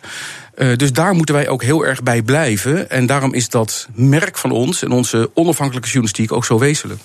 Ik ben toch benieuwd naar het aantal mensen dat je dan bereikt. Want het impact is, ehm, is natuurlijk ook aantallen. Ja. Online en via de Linda maakt niet uit waar het vandaan komt. Nou ja, die- maar kan die- je dat meten? Hoe, dat hoeveel, meten, mensen, ja. hoeveel mensen hebben jullie bereikt? Met, laten we die 18. eh die Nou, dat serie 18, over 18 had bij. Nou, het is wel moeilijk te meten hoor. Eh. Dat is nog steeds natuurlijk in de hele mediasector een heel groot probleem. Dat het heel moeilijk is om echt een betrouwbaar cijfer te krijgen. Ook die kijkcijfers trouwens. Kan je ook nog wel je vraagtekens bezetten. Hè. Dat Zeker. wordt nog steeds gemeten via kastjes bij mensen. En hoe, hoe betrouwbaar dat nou echt is, is ook maar zeer de vraag. En als je daar online bij gaat tellen, dan komen natuurlijk allemaal hele interessante, ook statistische meetvragen bij. Want hoe lang kijken ze? Wat zijn dat voor mensen? Zijn dat mensen die eerst lineair hebben gekeken en daarna online of niet? Waar haken ze af? Maar goed, grofweg kan je wel iets zien. Eh, nou, zo'n serie 18 in 18, eh, dat, had, dat heeft echt behoorlijke cijfers gehad. Dat gaat echt 200.000, 300.000 keer worden dat soort items al met al. Als je het allemaal bij elkaar eh, telt, is dat ook wel bekeken. Soms zien wij dat bepaalde onderwerpen van ons eh, meer scoren dan het lineaire kijkcijfer. Als het lineaire kijkcijfer soms een beetje tegenvalt op een avond, omdat wij veel concurrentie hebben van voetbal tegenover ons of zo, of eh, dat soort dingen, eh, dan kan het zo zijn dat onderwerpen zo goed worden teruggekeken dat ze soms hoger scoren zelfs dan het lineaire kijkcijfer. Dus dat is best wel substantieel. En, en waarschijnlijk ook bij een jongere doelgroep. Je krijgt dan een splitsing tussen de wat oudere televisiekijker Ja. en de wat jongere online Ja. kijker. Ja. Dat is voor een redactie natuurlijk ook een spagaat. Ja, dat is zeker een spagaat. Want uh, nou, sowieso is het publiek op lineaire televisie natuurlijk uh, oud. en dat is op zich ook helemaal niet erg, want ook oudere mensen doen ertoe. Er komen er ook steeds meer van in Nederland. Ze zijn heel kapitaalkrachtig. Uh, ze worden ook steeds ouder, hè, de vergrijzing in Nederland. Dus, dus je moet dat ook niet onderschatten. Maar wij willen natuurlijk heel graag als Nieuwsuur ook in die jongere doelgroep aanwezig zijn. En dan praat ik nog ineens over 18 of 19 of 20-jarigen. Uh, dat zou misschien wat aanmatigend zijn om te verwachten dat die ook massaal naar Nieuwsuur gaan kijken. Maar zelfs 35, 45-jarigen, die wel natuurlijk ook onze doelgroep zijn, die wil je ook bereiken. En ja. dat zijn ook mensen die inmiddels opgroeien uh, met de wetenschap dat lineaire televisie heel wat minder belangrijk is dan diezelfde doelgroep dat tien of twintig jaar geleden vond. En het is ook de, maar de vraag wat zij als een grote impact beschouwen. Als jij als hoofdredacteur zegt wij moeten impact maken. Nou, dat snap ik. Jullie zijn beroemd om je onderzoeksjournalistiek. De Bonnetje-affaire, Teven, onderzoek van Nieuwsuur. Jarenlang onderzoek. Gewoon hartstikke goed gedaan. Maar is dat, uh, maak je daarmee impact uh, ook bij, bij, simpelweg bij de jongere kijker?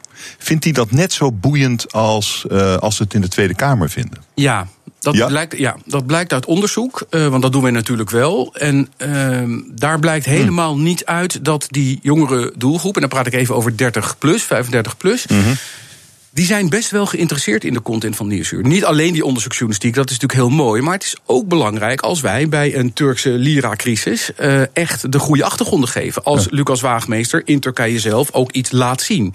En uit die onderzoeken blijkt dat die mensen daar wel degelijk in geïnteresseerd zijn. Alleen het moet wel op hun netvlies komen.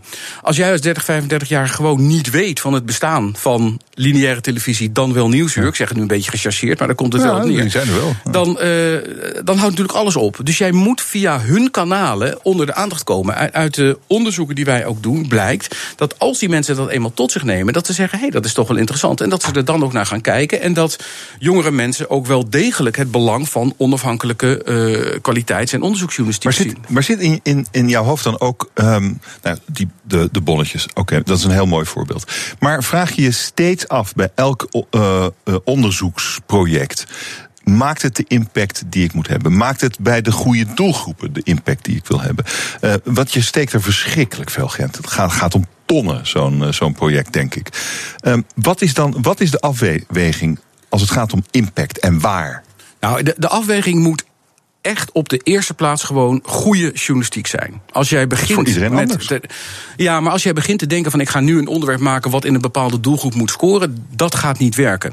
Je moet beginnen met goede journalistiek. En uh, wat vind je interessant? Zo'n bonnetjesaffaire begon natuurlijk relatief heel klein en werd steeds groter, steeds groter. En daar moet je dan in investeren uit de bonnetjesaffaire kwamen andere tips. Bijvoorbeeld de hele affaire rondom het WODC die we ook hebben gedaan. Nou, dat is natuurlijk een interessant onderwerp, ook heel erg relevant. Als wij daar extra dingen aan kunnen toevoegen, dan investeren we daarin.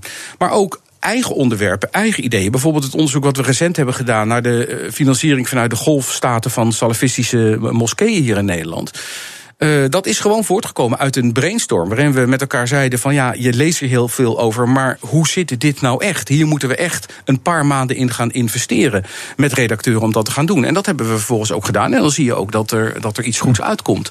Maar dan ben je inderdaad wel een, een redacteur, of twee redacteuren, uh, twee of drie maanden zeker mee kwijt. En het leidt natuurlijk ook niet gegarandeerd altijd tot succes. Maar ja, dat is investeren. Moet wel gebeuren. En zometeen praat ik verder met Nieuwsuur hoofdredacteur Joost Oranje over de rol van de politiek, maar ook over hoe we de kwaliteitsjournalistiek, de onderzoeksjournalistiek kunnen waarborgen. BNR Nieuwsradio. Hemmen.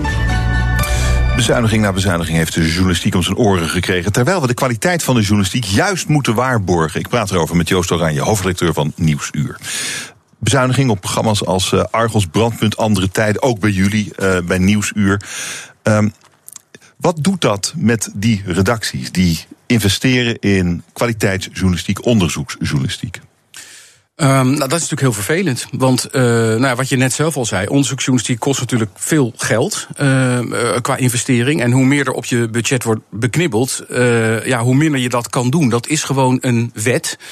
Zeker bij Nieuwsuur, want wij moeten ook dagelijks een programma maken. Uh, en dat is natuurlijk dat is ook een hele klus. Iedere dag moet ook gewoon de uitzending gevuld met uh, verantwoorde journalistiek. Hoeveel gaat er bij jullie gaat er 3,5% af? Klopt dat? Ja, nou ja, als alle plannen doorgaan, als dan, doorgaat, uh, ja, dan, dan, dan, dan moeten wij volgend jaar 3,5% bezuinigen op ons totale jaarbudget. Dat gaat ook om tonnen, dus dat is best wel substantieel. Hoe groot is het budget van Nieuwsuur eigenlijk? Het budget van Nieuwsuur is rond de 11 miljoen. Maar inclusief alles, hè? inclusief personeelskosten, inclusief alle techniek. En dus als je dat gaat terugbrengen naar uitzending, want we maken 365 uitzendingen per jaar, dan praat je over 32.000 euro per uitzending. Wat echt extreem weinig is als je dat vergelijkt met andere programma's. En al helemaal met het buitenland. Als je naar, uh, naar Duitsland of naar uh, Engeland gaat kijken. Dus ja, het, het is niet ruim, maar we proberen het zo goed mogelijk te doen. En ook prioriteiten te leggen. Maar waar bezuinig je dan op als het doorgaat? Nou, je, je kan op talloze manieren bezuinigen. Natuurlijk op personeel. Dat wil je natuurlijk het minst. Want je hebt Ja, je mensen echt nodig. duurst. Dat is je kapitaal. Maar dat is wel het duurst. Maar dat wil je zoveel mogelijk voorkomen. En dat moeten we ook zoveel mogelijk voorkomen. Je kan natuurlijk op talloze dingen. Je kan wat minder investeringen doen in, weet ik wat, in, in, in nieuw meubilair. Je kan minder gaan reizen. Je kan eh, minder locatieuitzendingen maken. Er, zijn talloze manieren waarop je kan bezuinigen. En je probeert natuurlijk het zo lang mogelijk uitstel- te- uit te stellen... tot het moment dat het echt de journalistieke kwaliteit aantast. Maar zo'n moment komt natuurlijk wel heel dichtbij. Je kan natuurlijk wel continu je normen verleggen en eh, minder reportages maken en alleen maar studiogasten uitnodigen en een heel goedkoop programma gaan maken. Dat wil je natuurlijk voorkomen. Dus eh, je wil dat zo, zo goed mogelijk blijven doen met de middelen die we hebben. En dat proberen we dus ook. Hoe ziet de onderzoeksredactie van Nieuwsuur er nu uit? Is er eigenlijk een apart eh, kamertje met onderzoeksredactie? Of doet iedereen dat bij Nieuwsuur? Nee, hoe gaat dat? Er is niet een apart kamertje. Er zijn wel eh, eh, gemiddeld eh, zo'n drie redacteuren die ik echt wel vrijstel om langer onderzoek te doen. Maar die doen dat heel vaak in samenwerking met andere collega's. Van met name van de bureauredactie, van researchers. Maar ook van, van onze politieke redactie bijvoorbeeld. Dat één iemand daar los van wordt getrokken. En voor een bepaalde periode of een halve periode wordt gekoppeld aan een van de onderzoeksjournalisten. Uh, nou, en zo monitoren we dat natuurlijk heel goed hoe dat onderzoek loopt. Het is natuurlijk niet zo dat je eh, beslist, we gaan nu hier een onderzoek naar doen en over twee maanden weer eens een keertje de, de, de deur open doet van hoe staat het ermee. Dus dat monitoren wij natuurlijk als hoofdredactie heel erg goed. Of dat onderzoek goed loopt, of er resultaat uitkomt, of we het niet moeten uitbreiden, dan wel of we het niet moeten stoppen, omdat het toch tegenvalt, dingen niet blijken. Uh, nou ja. Dat laatste, doe je dat vaak? Dat je een onderzoek kilt? Niet vaak, maar het komt wel voor. Het komt natuurlijk best wel voor dat je op een gegeven moment de afweging moet maken. Nou, er zit hier nu zoveel tijd in. En datgene wat we hoopten dat er uitkwam, wat we verwachten dat er uitkwam, komt er niet uit. En dan moeten we het stoppen. Of uh, de journalistieke inzet die je erin stopt, is nu wel zoveel afgezet aan het resultaat dat we dan gaan doen. Uh, daarom moeten we nu onze aandacht op iets anders richten. Dat komt natuurlijk wel voor. Maar dat is natuurlijk heel gezond. Dat hoort gewoon bij een lopend journalistiek proces. Ja. Kijk, als ieder onderwerp wat je bedenkt ook gegarandeerd zou leiden tot een grote primeur, dan zou het vak heel makkelijk, makkelijk zijn. Ja. Dat is dan juist de moeilijkheid van ons vak, dat je dat continu moet inschatten. En dat, hm. dat heeft ook natuurlijk te maken met de keuzes die je maakt. En zou je niet denken dat er juist veel meer, hè, we hadden het over uh, imago, we hadden het over impact maken. Zou je niet denken dat iedereen bij Nieuwsuur zich bezig zou moeten houden met precies dat soort dingen, onderzoeksjournalistiek? Ja, dat zou heel mooi zijn, maar dat is een illusie, zeg ik als hoofdredacteur. Want ik weet maar al te goed uh, wat voor druk er dagelijks op de redactie zit om ook die andere onderwerpen te maken. En ook te moeten maken. Hè, uit, uit, om twee redenen. In de eerste plaats moet je ook nog een behapbaar programma voor de mensen maken. Uh, en in de tweede plaats is onze andere wettelijke taak ook heel erg om duiding en achtergrond te geven bij het dagelijkse nieuws. Oh, dus okay. als er een brug neerstort in Genua, dan mogen de uh, kijkers van ons ook verwachten dat wij die avond ingaan op de vraag hoe dat kan in een modern land als Italië. of hoe die constructie precies in elkaar zit. Of, of dit hoort bij de Italiaanse politiek. Of hoe men met infrastructuur omgaat. En dat kost natuurlijk ook allemaal tijd en investering. En zo'n serie, 18 in 18, kost ook tijd en investering. Dus um, hmm. uh, ja, we, we, moeten heel veel ballen in de lucht houden. Ja. Waarvan ik zelf die uh, bal onderzoeksjournalistiek heel belangrijk vind. Maar het is niet de enige bal. Nee. Maar zou dat niet, als je, als je zit te filosoferen op zondagmiddags, denk je dan niet eens, nou, eigenlijk zouden we dat moeten doen. Onderzoeksjournalistiek, punt. Want het journaal kan natuurlijk ook best wel goed uitleggen wat er in Genua is gebeurd. Uh, een vandaag ander uh, NPO-programma wat zich op achtergronden richt, kan dat ook prima. Hoezo moet Nieuwsuur dat doen? Terwijl waar we Nieuwsuur echt van kennen, zijn die onderzoeken. Ja, maar ook de andere dingen. Want uh, ik ben, ben, blij dat je zo enthousiast bent over nieuwsuur en de onderzoeksjournalistiek. Maar het, nou, is, echt, het, is, echt een, het is echt een deel uh, van ja. wat wij doen. Uh, de, de, de prachtige reportages die wij ook in het buitenland maken met onze verslaggevers. de, de, de duiding bij het dagelijkse nieuws. nou, bijvoorbeeld gisteren hadden we een heel. Waar, op het oog zeg je, het is een heel doorsnee onderwerpje. De problemen in de tra transportwereld met een tekort aan truckers. En toch was het een heel mooi televisieonderwerp... waar bijna 600.000 mensen naar gekeken hebben. Omdat het er ook goed uitzag, omdat het binnenkwam in de wereld van de truckers... die je niet vaak ziet. En omdat het tegelijkertijd ook de problematiek uitlegde... en de achtergronden erbij gaf. Dat soort onderwerpen hmm. horen ook bij Nieuwsuur. En dat moet de... Nieuwsuur ook doen. Het, het, is de taak van Nieuwsuur. Hier spreekt natuurlijk wel oude televisiejournalisten. Daar. Ook, ja. zeker. Ja. zeker. Ja. Want wat deed dat online? Ik heb het niet gekeken. Maar ik denk dat het, uh, dat het geen eens zo slecht uh, nee, zal zijn. Hoor. Nee, ik heb niet gekeken nog. Um, hoe gaat dit verder, onderzoeksjournalistiek? Als je om je heen kijkt, dus niet alleen bij je eigen programma... maar als je om je heen kijkt... Uh, wat zie je dan als je onderzoeksjournalistiek zoekt? Nou, ik ben daar eerlijk gezegd niet zo pessimistisch over. Uh, als ik terugkijk naar uh, bijvoorbeeld 10 of 15 jaar geleden. Ik heb voor mijn leven bij Nieuwsuur 15 jaar bij NRC Handelsblad gewerkt. Daar ook zelf heel veel onderzoeksjournalistiek gedaan in de krantenwereld. En uh, dat was natuurlijk ook een tijd waarin de journalistiek zich nog kon veroorloven. Ik zeg nou een beetje gechargeerd om nog een beetje luid te zijn. Want die kranten kwamen er toch wel. En die televisieprogramma's waren er toch wel aan de keken. Toch wel mensen naar. Uh, maar, maar onderzoeksjournalistiek werd wel belangrijk gevonden. Uh, maar vooral uh, in woord en in daad bleef het daar nog wel bij hangen. Omdat de journalistiek zo onder druk is komen te staan, merk ik wel dat er veel meer aandacht is gekomen voor onderzoeksjournalistiek. En zie je het op veel meer media. Uh, gebeuren. Er zijn ook allerlei hele interessante platforms gekomen, die uh, ook online platforms, die onderzoeksjournalistiek bedrijven, Follow the Money bijvoorbeeld, maar ook de correspondent op hun heel eigen manier. Uh, je ziet ook dat bij kranten, bijvoorbeeld bij, bij NRC waar ik gewerkt heb, dat daar een aparte onderzoeksredactie is. Je ziet ook wel bij meer schrijvende media dat ze zich daar weer meer op gerichten. Wij dus als nieuwsuur. Dus je ziet wel dat in de journalistiek het besef is doorgedrongen dat onderzoeksjournalistiek voor kwaliteitsmedia een heel belangrijk iets is, waar je echt wat mee moet doen. En daar ben ik best wel positief over. Je ziet dat daar meer in wordt geïnvesteerd. En dat, je, dat wij als journalistiek in zijn algemeenheid in Nederland ook best wel veel onthullen. Als je over een maand kijkt wat er over diverse platforms wordt geschreven en, en hmm. wat er wordt onthuld, dan is dat nou ook weer niet om heel somber van te worden. Dat kan natuurlijk altijd beter. Hmm. Maar ik weet zeker dat het beter en structureler is dan het 15 jaar geleden was. Waar werken jullie nu aan eigenlijk? Aan hele interessante onderwerpen. Voor het begin van, het, uh, van de televisie. Er komen wel een paar hele mooie onderzoeken aan weer. Ja. ja. Zeker. Nou ja, goed. Gaan er politici struikelen? Nou, weet je, dat, dat, ik vind dat dat nooit je doel moet zijn. Je doel moet zijn om uh, je vinger achter de macht te krijgen en uh, de waarheid boven tafel te krijgen. En als dat uiteindelijk leidt tot het sneuvelen van politici, hmm. dan is dat vaak leuk voor ons journalisten. Maar dat moet natuurlijk nooit het doel zijn waarom je iets doet. Wat is een belangrijk veld om onderzoeksjournalistiek in te bedrijven nu? Heel veel velden. Uh, ik vind dat uh, het hele veld rondom politiek en bestuur, uh, daar gebeurt nu natuurlijk hm. wel ontzettend veel. Ja.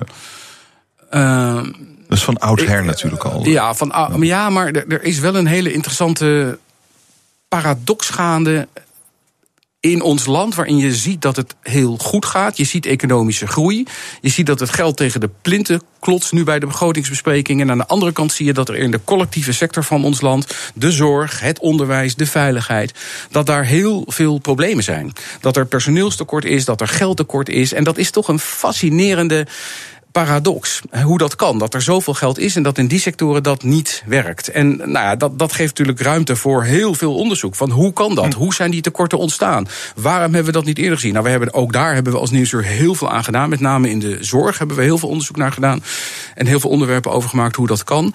Maar dat vind ik een heel interessant terrein. En uh, ja, er zijn natuurlijk talloze andere terreinen waar, uh, waar heel veel onderzoek nog op gedaan kan worden. Dat, dat is het probleem niet, de onderwerpen. Ja. Het is interessant dat, dat uh, de, je noemde die twee platformen, Follow the Money en de cor Correspondent. Um, die worden natuurlijk gefinancierd door particulier en zakelijk geld. Ja.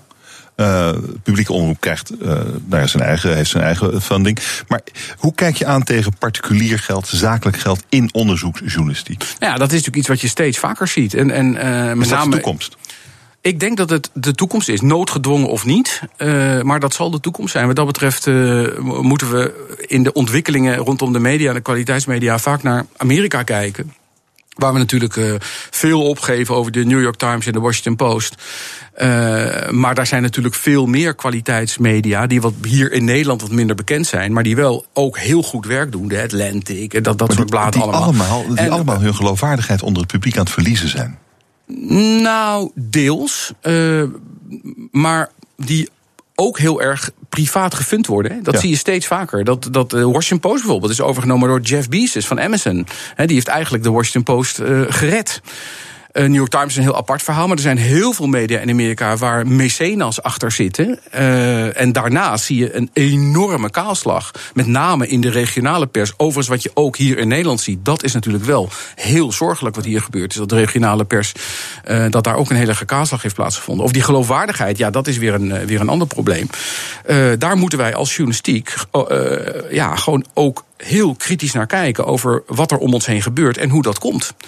En uh, daar natuurlijk ook wel op inspelen. Niet om uh, makkelijk mee te gaan uh, met bepaalde behoeftes uh, van, van, van een groep of zo. Hm. Maar wel om heel kritisch te blijven kijken naar je eigen werk. En doen we wel datgene goed wat we moeten doen. En um, hoe komt het eigenlijk dat, dat, er, dat het, het beroep van journalistiek, de journalistieke producten, uh, op minder sympathie, minder geloofwaardigheid kunnen rekenen? Je voelt het ook, je ziet het ook. Hoe komt het? Ja, ik denk dat dat natuurlijk komt door de hoeveelheid aan media. En het is natuurlijk een heel makkelijk product om tot je te nemen voor de meeste mensen. Want er is zoveel aanbod van media. Uh, je hoeft er ook niet meer voor te betalen. Je kan gewoon het internet op.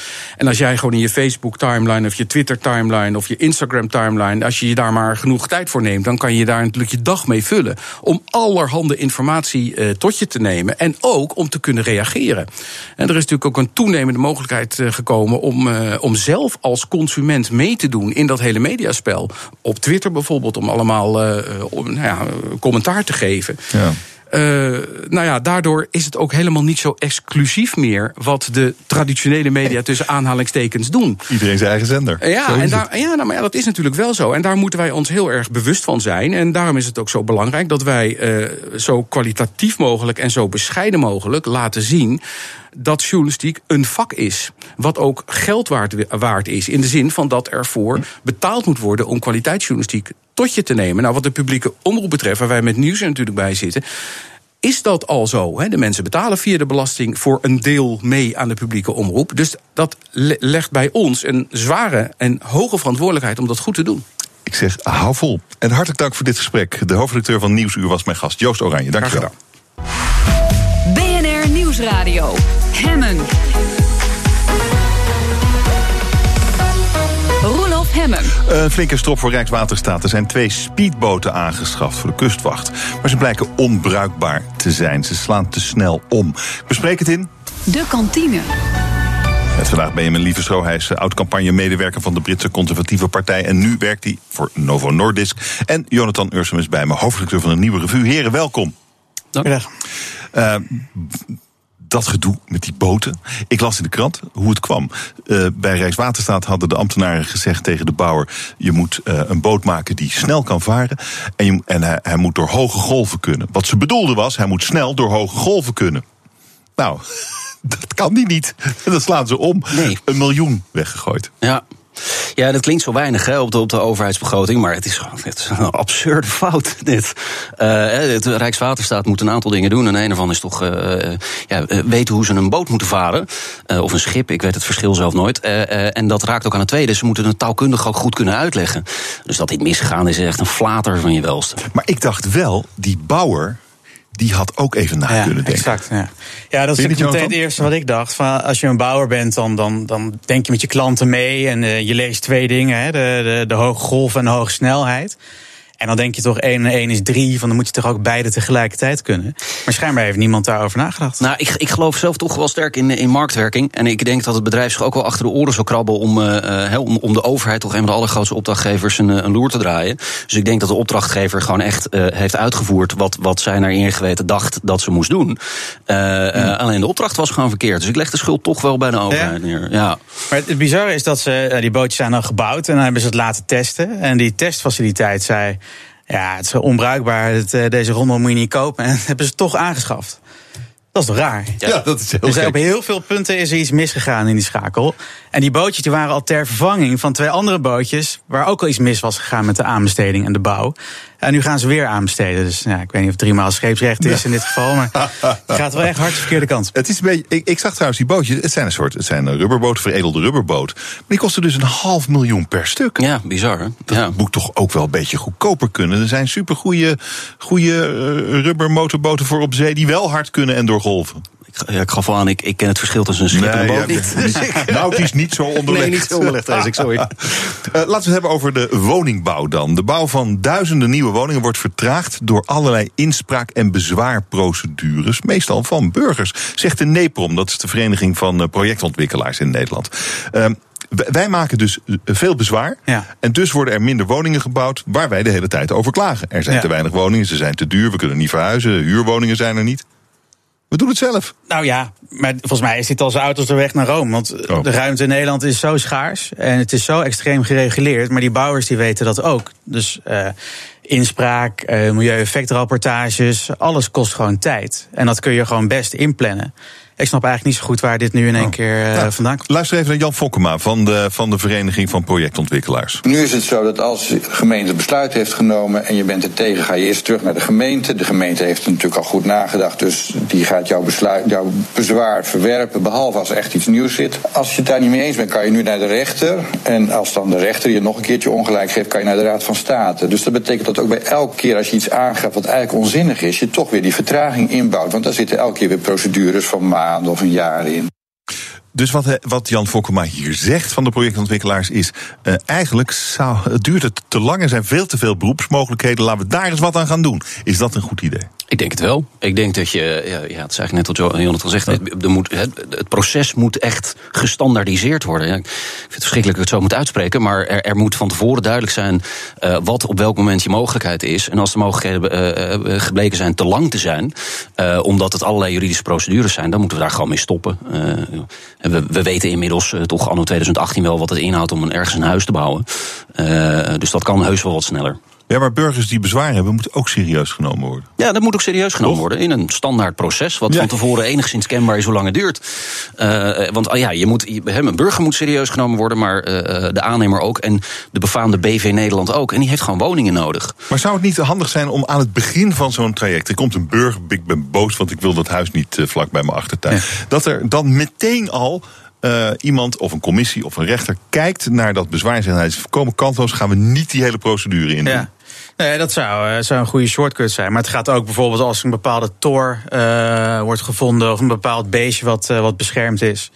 Eh, ja, dan ga je ook al die procedures in. Dus het zijn niet alleen de mensen die, eh, die daarvoor zorgen... maar ook eh Beestjes. ja, milieueffectrapportages. Gewoon eh, dingen die met natuur en milieu te maken hebben. Die voor vertraging zorgen. De korenwolf, dat zou Ja, dat soort, dat soort Ja, dingen. Maar aan de andere kant, wil je de weg inslaan die ze in China of, eh, of Qatar doen bijvoorbeeld. Dat ze gewoon zeggen van jongens, opzouten, we gaan hier bouwen. En eh, we gooien er wat, eh, wat gasarbeiders in. En eh, een paar weken later staat er een flat. Ja, dat is weer een soort ander uiterste. Maar misschien dat er in het midden ergens een, eh, een oplossing ligt. Ehm, de mazelen, eh, ernstige ziekte. Ja. Die wij niet meer hebben. En toch eh, eh, eh, waarschuwt de Wereldgezondheidsorganisatie nu voor de mazelen in Europa. Het gaat om 41.000 mensen die in de eerste helft van dit jaar die ziekte hebben opgelopen. Vooral in Oekraïne, maar ook al in Frankrijk en Italië. En dat komt erdoor dat mensen steeds minder ingeënt worden. Het is een beetje jouw onderwerp, Benjamin. Volgens mij hebben we het er elke keer over als we elkaar zien.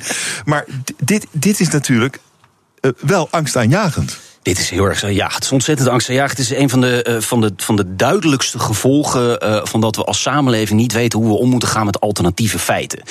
Eh, we, we- er zit natuurlijk een president in het Witte Huis op dit moment. Die, die leeft van alternatieve feiten. En ja, we weten allemaal niet zo goed hoe we daarmee om moeten gaan. En dit is, dit is een ongelooflijk vervelend exponent waar we echt een keer mee op moeten houden. Maar wat is alternatieve feiten? Je, eh, mazelen zijn zo ongeveer de wereld uitgeholpen door, eh, door vaccinatie. Ja, exact. Nee, het alternatieve feit. Hoeveel deze- meer eh, bewijs hebben wij nodig? Nou ja, mij, mij hoef je niet te overtuigen. Oh ja. het, het alternatieve feit is dat er, dat er hele nieuwe bevolkingsgroepen, en grote, grote aantallen, op internet allerlei fantastisch bewijs vinden dat, dat je er autisme van krijgt, van, van inentingen en allerlei andere ziektes. En, en het om die reden niet meer doen. Ja, dat zijn de alternatieve feiten. Eh, een alternatief feit is geen feit. Het klopt gewoon niet. Maar iemand daarmee confronteren op een harde wijze, dat doen we niet. Ik moet eerlijk zeggen, ik zeg het hier maar gewoon in een, in een mediastudio.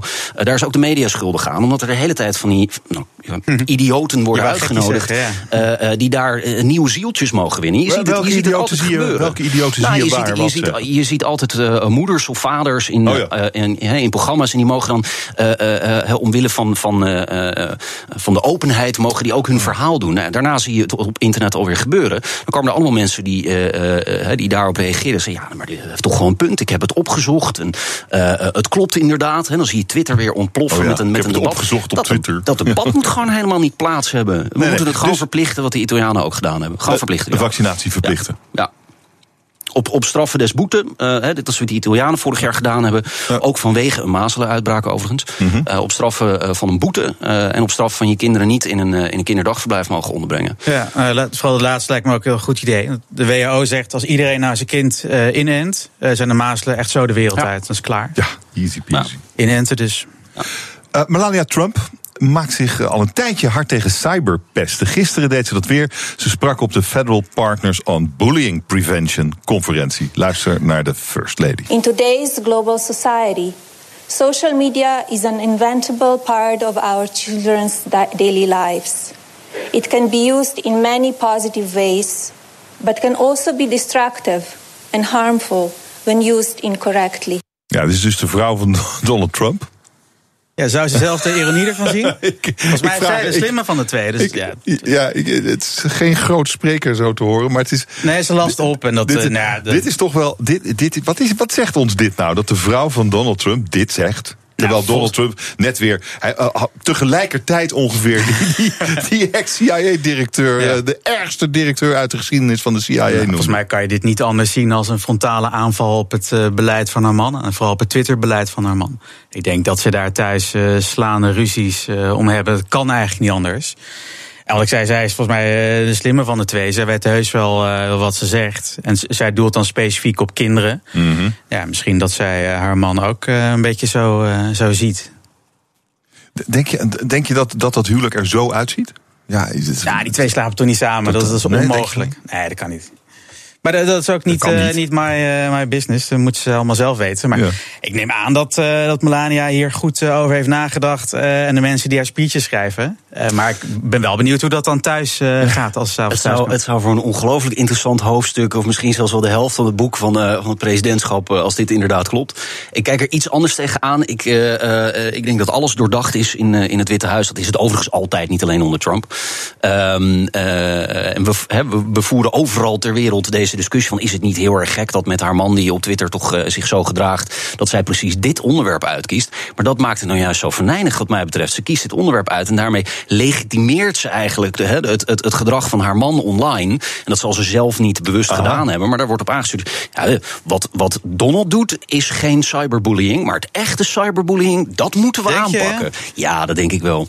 Ja. dat, dat is ook slim eigenlijk. Dat is heel slim, ja. Maar dat is hoe die man in het Witte Huis terechtgekomen is. Door gewoon heel erg slim te zijn, met name online. Jonathan, ik denk dat het ook een heel goed huwelijk is eigenlijk. Nou, ik kan me er niet veel bij voorstellen. Zometeen bespreken we het in de kantine. De problemen binnen de rechtspraak. Het geld begint op te raken. BNR Nieuwsradio. Je luistert naar de kantine. We nemen het nieuws van de dag door. En zometeen komt Jurgen Rijman. En eh, die gaat dat ook doen in Ask Me Anything. Waar gaat het over vandaag? We gaan het hebben over de rechtspraak en vooral over de Oh ja. financiële problemen waarmee ze te maken hebben. Eh, nou, we weten het allemaal, het is vandaag naar buiten gekomen. Er is een tekort van 28 miljoen dit jaar op de begroting. En het wordt waarschijnlijk zelfs 40 miljoen. Eh, ze hebben helemaal ingeteerd op hun eigen vermogen. Dus de vraag is van, gaat Sander Dekker bijspringen om ervoor te zorgen dat de rechtspraak kan blijven functioneren. Ja, maar de Maar- hele begroting is 900 miljoen of zo, 900 toch? miljoen. Het was een miljard, daar hebben ze 100 miljoen Mhm. van bezuinigd. Dus ja, als je kijkt naar de bezuiniging, eh, kan je ook zeggen van, zet het gewoon terug. Als je toch eh, die bezuiniging, bezuiniging al hebt doorgevoerd en het nu weer goed gaat met onze economie en alles, moet die 100 miljoen erbij kunnen. Misschien moeten we toch dan nog een keer naar de, omzet, naar de dividendbelasting kijken, als we, dat, als we daaruit 100 miljoen kunnen reserveren voor eh, de rechtspraak. maar dat is mijn idee. Ik, ben, aan- ik voel op een andere manier regeer ik dat land waarschijnlijk. Maar er is ook, er is, er is ook iets waar we het over gaan hebben. Dat is namelijk het kei-project van... ehm, de rechtspraak. Ze hebben een automatiseringsproject ingezet. En dat was eerst uh, zal voor de digitalisering en automatisering van de rechtspraak. En daar was eerst 7 miljoen voor begroot. Nou, die begroting is vervolgens 19 miljoen geworden. Of 29 miljoen, toen 80 miljoen. En uiteindelijk heeft het meer dan 200 miljoen gekost, die hele ICT-procedure bij de rechtspraak. En het blijkt dat het maar voor 5% effectief is of zo, wat er nu is doorgevoerd. Dus uh, daar gaan we het over hebben. We hebben een advocaat, Nathalie, of voormalig advocaat, Nathalie Glaudemans-Voogd. En ze heeft daar een heel artikel over geschreven in het uh, Advocatenblad. Dus die weet alle ins en outs van het KEI-project. Uh, we praten met een officier van justitie die op eigen titel even zijn um, het wil toelichten. En we hebben ook nog een rechtsfilosoof die eigenlijk uh, zo'n punt heeft van die hele raad voor rechtspraak. Hebben we dat wel nodig?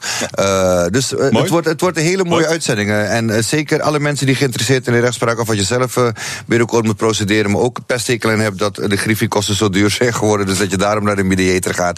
Ook dat gaan we bespreken. Dus uh, alles over de Leuk. rechtspraak vandaag. Je kan je vragen sturen via Twitter, BNR, via Facebook. Je kan me altijd even WhatsAppen. Het nummer staat op bnr.nl. Of je mag een mailtje sturen natuurlijk naar askme.bnr.nl. Maar Roelof, jij en ik weten het beide. De beller is sneller. 020 468 0 en stel je vraag live in de uitzending. Vanaf twee uur. Jurgen, veel plezier zometeen. Dankjewel. Ja, dankjewel. Eerder lag bijna. wij, wij, praten verder in de kantine. Jonathan Nursum is hier, hoofdredacteur van Nieuwe Revue. En Benjamin Lievestro, hij werkt bij Novo Nordisk. Ja, die rechtspraak. Uh, wat, hoe, dit is toch gek, de rechtspraak. Heel belangrijk. Ja. Uh, en nu hebben ze opeens een krankzinnig tekort. En ja. luiden zij de noodklok. Nou, ik snap het wel wat Jurgen zei. Van als er uh, voor een bepaald project om de boel te digitaliseren ooit 7 miljoen was uh, begroot. Uh, het nu over de 200 miljoen zit. Ja, dan snap ik best dat het geld een keer op is. Uh, maar ik begreep ook dat uh, de rechtszaak voor een deel zichzelf financiert door veel rechtszaken te voeren, meer griffiekosten en zo uh, voor betalen. maar meestal als het goed gaat met de economie zijn er minder rechtszaken omdat weet van mensen hun betalingsverplichtingen nakomen of zo. dus er komt ook veel minder geld binnen dan ze verwacht hadden. Ja, en als er minder geld binnenkomt en meer uitgaat, dan uh, zit je met een tekort. Ja, misschien bedrijf, dit is de rechtspraak. Ja. De, een van de, dus de ruggengraat van Ik onze samenleving. Ja, nee, het is ook uh, te bizar voor woorden. Volgens mij was net in het nieuws dat uh, rechtbank Arnhem Leeuwarden, dat de collega's uit Leeuwarden naar Arnhem komen om daar wat, wat strafzaken te komen helpen, omdat daar dan de tekorten zijn. Tekorten zijn daar niet alleen omdat de mensen met pensioen zijn gegaan, maar ook omdat er schijnbaar te weinig rechters zijn. Omdat er geen geld voor is. Krankzinnig. Ja, het is treurig. Wat gaan we doen? Ik vind het heel lastig. De rechtspraak is natuurlijk wel een, een, een, een overheids uh, onderdeel dat too important te veel is. Dus uh, mm-hmm. het, het, het niet hebben van voldoende geld om de rechtspraak, zo staat het ook overal in de krant vandaag, de rechtspraak heeft niet genoeg geld. Ja, dat kan gewoon niet. Dat is, dat is onmogelijk. Dat is het enige probleem. Dus er, het ene probleem, dus er moet, er moet geld naartoe. Het andere probleem is veel diepgravender. Dat is een echt overheidsbreed probleem. Hoe kan het in vredesnaam dat een project van 7 miljoen escaleert naar 200 miljoen? Dat is overheid en ICT. Ja, dat is, ja, dat is waar, maar het, het, het, lost, het lost zich nooit op. Ik moet denken aan een jaren terug was er een Zembla-aflevering uh, over uh, een IT-project, over de hele IT-procedure bij de Belastingdienst. Nou, dat jakkert nog steeds voort. Uh, en dat, dat, dat nam bijna criminele vormen aan daar. En dat zeg je niet lichtzinnig natuurlijk. en dat probleem is nog steeds niet opgelost. Het zijn altijd dezelfde grote IT-aanbieders. En daar, in tegenstelling tot de boot van, of het schip, van aan het begin van dit half uur, denk ik daar dat wel absoluut sprake is van, uh, van wat onzuivere zaken bij de grote IT-aanbieders. Mm. En dat hele proces moet echt een keer tegen het licht aangehouden worden. En tot slot moet er ook een keer een stevige training bij de overheid komen dat iemand gewoon durft te zeggen: dit wat wij gestart zijn, werkt niet, we stoppen ermee. Ja. Dan, dan kost het je 10 of 20, 80 miljoen in plaats van 200. Ja, maar als je begint op, uh, op met uh, een miljoen of twee, hè, was de oorspronkelijke begroting. Ja. En het wordt dan uh, 19, dan is het ook al een keer 14 geweest. Ja. Als je naar een verdubbeling van, van, van je budget zit te kijken, Ja. zou er niet een soort regel moeten komen dat, dat dan gewoon dat het dan stopt? Ja, ja, ja. dat is ontzettend goed. Ja, denk Onbegrijpelijk. Waarom bedenkt niemand dat? Ja, nee, ja. Noord-Zuidlijn, eh, andere infrastructuurprojecten. Er moet een keer een soort punt komen waarop je zegt: eh, we nemen het verlies en eh, we gaan iets anders starten. Maar ja, eh, de- ik neem aan dat de minister daar verantwoordelijk voor is. Dus die zou dat, eh, die helikopterview moeten hebben. Mm. Lastig. Gaat om een hoop geld. Ja. Hebben jullie het ook zo druk? Nee. Jij? Nou, nee. Ik, uh, Sta je lekker een beetje. Ik, vind, ik ben redelijk ontspannen. Maar er, er, is, uh, er is wel iets uh, aan de hand. Er zijn heel veel vacatures die lastig te vervullen zijn. 40% van de vacatures schijnt, is het nieuws van vandaag, lastig te vervullen te zijn. Tot niet te vervullen te zijn. Betekent dus dat er mensen zijn die 40% harder moeten werken. Ben jij er zo een, Benjamin? Nee, maar ik heb het grote fortuin voor een bedrijf zijn wij te werken. allemaal lui? Dat, nou, kijk, nee, uh, Novo Nordisk staat al sinds jaar en dag in de top 3 van Best Place to Work. Dus het aanwerven van mensen is niet zo'n uh, niet zo'n probleem. Oh, okay. Maar ik heb wel hiervoor voor andere werkgevers waar dat wel een probleem was. En dan kom je ja, toch in, in, in tijden uh, waarin het lastig is, dan, dan gaat de werkdruk gewoon omhoog. Dat is heel simpel. En dat kan ook niet anders, want anders dan, ja, dan, dan stort je bedrijf in elkaar. Ja. En is dat erg eigenlijk? Wanneer wordt het erg? Uh, ja, als je richting overspannenheid gaat. Ja, ja oké, okay, maar je merkt, je merkt natuurlijk wel vrij snel uh, dat er hoeveel vet er op de botten zat in dit soort situaties. Ja, dat klopt. Um, maar het is natuurlijk ook gek dat, uh, dat we nu harder moeten gaan werken tot het economisch beter gaat. Ik denk dat dat op een individueel niveau een beetje lastig, uh, lastig te rijmen is. Hè. Je verwacht juist mm. dat je misschien wat hogere salarissen krijgt. Dat je uh, aan winstdeling gaat doen, heel erg afhankelijk van wat je doet natuurlijk. Mm. Um, maar niet dat je harder moet gaan werken voor hetzelfde geld. Meer hangmattijd misschien. Nou ja, hangmat. Ik begreep dat uh, het, het, vooral in de, de technische sectoren mm. heel erg speelt. Ik weet niet of dat echt hangmatmensen zijn. Uh, maar vooral uh, ICT en techniek en productiewerk, daar zijn uh, het grotendeel van de factures gewoon heel moeilijk in te vullen. En bedrijven geven ook aan, er zijn te weinig sollicitanten, dus er valt ook te weinig te kiezen. Dus soms heb je één sollicitant, ja, neem je die dan. je weet niet of je de beste zou zijn. En als je hem niet neemt, dat betekent dat hun collega's werk moeten opvangen. Ja, ja maar zijn, zijn de mensen er niet of zijn ze te duur en willen de werkgevers te weinig betalen? Nou ja, of misschien is het werk wat, uh, wat, wat niet super gewild is. Ja, de zorg bijvoorbeeld, uh, daar weet je al van dat uh, de werkdruk te hoog is. Ja, stap je daar dan in. Hmm. leraren. Ja, ICT lijkt me een, iets waar ook veel buitenlandse werk hmm. of arbeiders voor worden geworven. Veel expats. Dus ja, dit is voor een deel denk ik ook werk wat, wat Nederlanders niet willen of niet kunnen doen. Want de werkgevers geven ook aan dat het de reden om nee hmm. tegen iemand te zeggen is vaak te ontbreken van superspecifieke kennis of een diploma of certificaat. Ja, en als de mensen die niet hebben dan, en je hebt het wel nodig, dan kan je ze niet aannemen. Ja. Hmm. Nou, er is, er is wel veel ondernemerschap in de zorg. Uh, bijvoorbeeld bij de thuiszorg. Uh, er zijn, uh, constateert de inspectie gezondheidszorg, jaarlijks zo'n 100 nieuwe kleine thuiszorgbedrijven. Het zijn gewoon soms twee mensen die beginnen een thuiszorgbedrijf. Hebben vaak helemaal niet de vereiste opleiding, de vereiste papieren, maar die beginnen gewoon en blijkbaar kan dat. Hoe zit dit, Benjamin? Uh, nou, hoe het exact zit, dat, uh, dat weet ik niet exact. Maar ik ben uh, zelf ook op mijn zeventiende een half jaar lang fulltime thuishulp aangeweest. en dan ben, dan, dan ben je eigenlijk een, een schoonmaker. Maar je hebt ook wel redelijk wat sociale verplichtingen in je, hmm. in je werk. Ja, dat, heel veel mensen kunnen dat. Je moet het wel je moet het willen. Maar heel veel mensen kunnen dat in principe gewoon, gewoon uitvoeren, hmm. thuishulp A. en als daar een tekort aan bestaat, dan denk je dat het goed is dat, dat je dat kan uitvoeren. Ik denk dat dit is een, een controleprobleem. Hè? Dus je hebt ook thuishulp B en, en dat was in die tijd uh, het geval. Um, uh, dat zijn veel complexere handelingen. Ja, dat moet je wel, daar, daar moet je de juiste certificaten voor hebben. En daar moet een bepaalde manier van zijn om dat te kunnen controleren. En dat is er blijkbaar niet, of maar, niet voldoende. Maar, maar 100 thuiszorgbedrijven per jaar, waarom is dat opeens zo? Ja, een paar honderd. Uh, een paar zelfs, honderd ja, per jaar. En dat kan schijnbaar zonder dat je een bepaald keurmerk hebt. Sorry, ik zeg per jaar. Per ja. maand. Ja, dat is nog meer. Ja, elke maand inderdaad een paar honderd. Nou ja, uh, schijnbaar uh, solliciteren mensen niet bij een groot bedrijf in de zorg, maar starten ze gewoon een eigen bedrijfje. Dat, uh, dat valt te prijzen. Alleen als ik bij mijn oma iemand aan het bed heb staan, dan verwacht ik eigenlijk wel dat hij aan een bepaald keurmerk voldoet. En de kwaliteitseisen hoog in het vaandel heeft staan. Maar schijnbaar is dat zeker niet het geval. Ja, dit is, wel, dit is wel iets waar we naar moeten kijken hoor. Want ik ben goddank nog niet in de leeftijd. Uh, maar uh, ik zou het toch wel fijn vinden dat ik iemand inhuur. Uh, waarvan ik weet als die persoon even, even, even zelf ziek is. dat er nog continuïteit is. Dus, dit, ja. en, en, dat is echt wel een probleem. Het lijkt mij, het klinkt mij alsof dit een ZZP-probleem is. We hebben natuurlijk notoor veel ZZP'ers in Nederland. het zal heel makkelijk zijn om, om, om, om een bedrijfje op te richten. Maar in essentie zullen het allemaal ZZP'ers of één of twee medewerkers zijn. Ja, als daar iets misgaat, dan heb je geen thuis thuiszorg meer. Nee, bijvoorbeeld. Dat is even wel een hele grote Maar misschien is, is, zitten bij deze cijfers ook wel uh, bijvoorbeeld uh, de mantelzorgers in. Dus die houden zich, neem ik aan, ook niet aan bepaalde kwaliteitseisen. Misschien is groeit het aantal uh, mantelzorgers daar ja, wel Die dan aan. thuiszorg worden eigenlijk. Die dan ja. een, een verdienmodel ja, van een, een zieke familielid ja, maken. ja, dat kan natuurlijk ook. Ja. Uh, de, de premier en minister Kaag die hebben een tweetje gekregen van uh, Rihanna. Ja. Uh, en, Wat lief. Ja, heel lief. Zij wil 100 miljoen voor onderwijs. Wereldwijde scholing. Ja. Doe ons even 100 miljoen. Vraag ze via Twitter. Wat is dit? Ja, dat is slim. Ja, het is wel oud in die open. Ik bedoel, Shell en Unilever doen dat gewoon netjes in de achterkamertjes. En Rihanna ja. die zegt gewoon, als iedereen kan meekijken, uh, keep even 100 miljoen. Handig, toch? Ja, ja enorme sociale druk. Weet nou, vergeet vooral niet Kim Kardashian, die was laatst in, de, in die Oval Office. Hè, want dat verwacht je wel in 2018.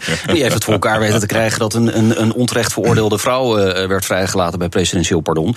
Dus het is, uh, we leven in tijden waarin dit kan. Dus je kan het haar niet kwalijk nemen. Ik mag aannemen dat, uh, dat Rutte hier vrolijk om lacht. Nou, hij heeft zelf al niet gereageerd op de tweet, maar Sigrid Kaag wel. Oh, ja. En iets in de trant van het, het, klinkt als muziek in mijn oren. En volgende ja. week maken we hier meer over bekend in New York. Oké, okay, denk ik. Is dat dan, is het een opzetje? Is dit het PR wat waar we hiermee te maken Zou hebben? kunnen. Iets, gewoon een slim plannetje. En dan gaan we straks weer allemaal naar New York en Rihanna erbij en mevrouw Kaag. Nou, ja. nou, ik lees er vooral uit dat uh, Kaag heeft van, nou, dat gaat niet gebeuren. Maar ik wil je wel graag een keertje spreken daarover. Volgens mij is het gewoon ambtelijke taal voor uh, ain't gonna happen. maar, leuk, maar leuke ja, poging. leuk project en bedankt voor de tweet. Oké, okay, licht cynisch dit.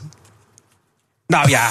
Ja, ik, ja, ja, ja ik ga tuurlijk. De, jongens, ik ga de kantine dichtgooien. Fijn dat jullie er waren. Benjamin Lievestro uh, werkt bij Novo Nordisk. En Jonathan Ursemijs, hoofdredacteur, hoofdredacteur van de Nieuwe Revue. Dank jullie wel.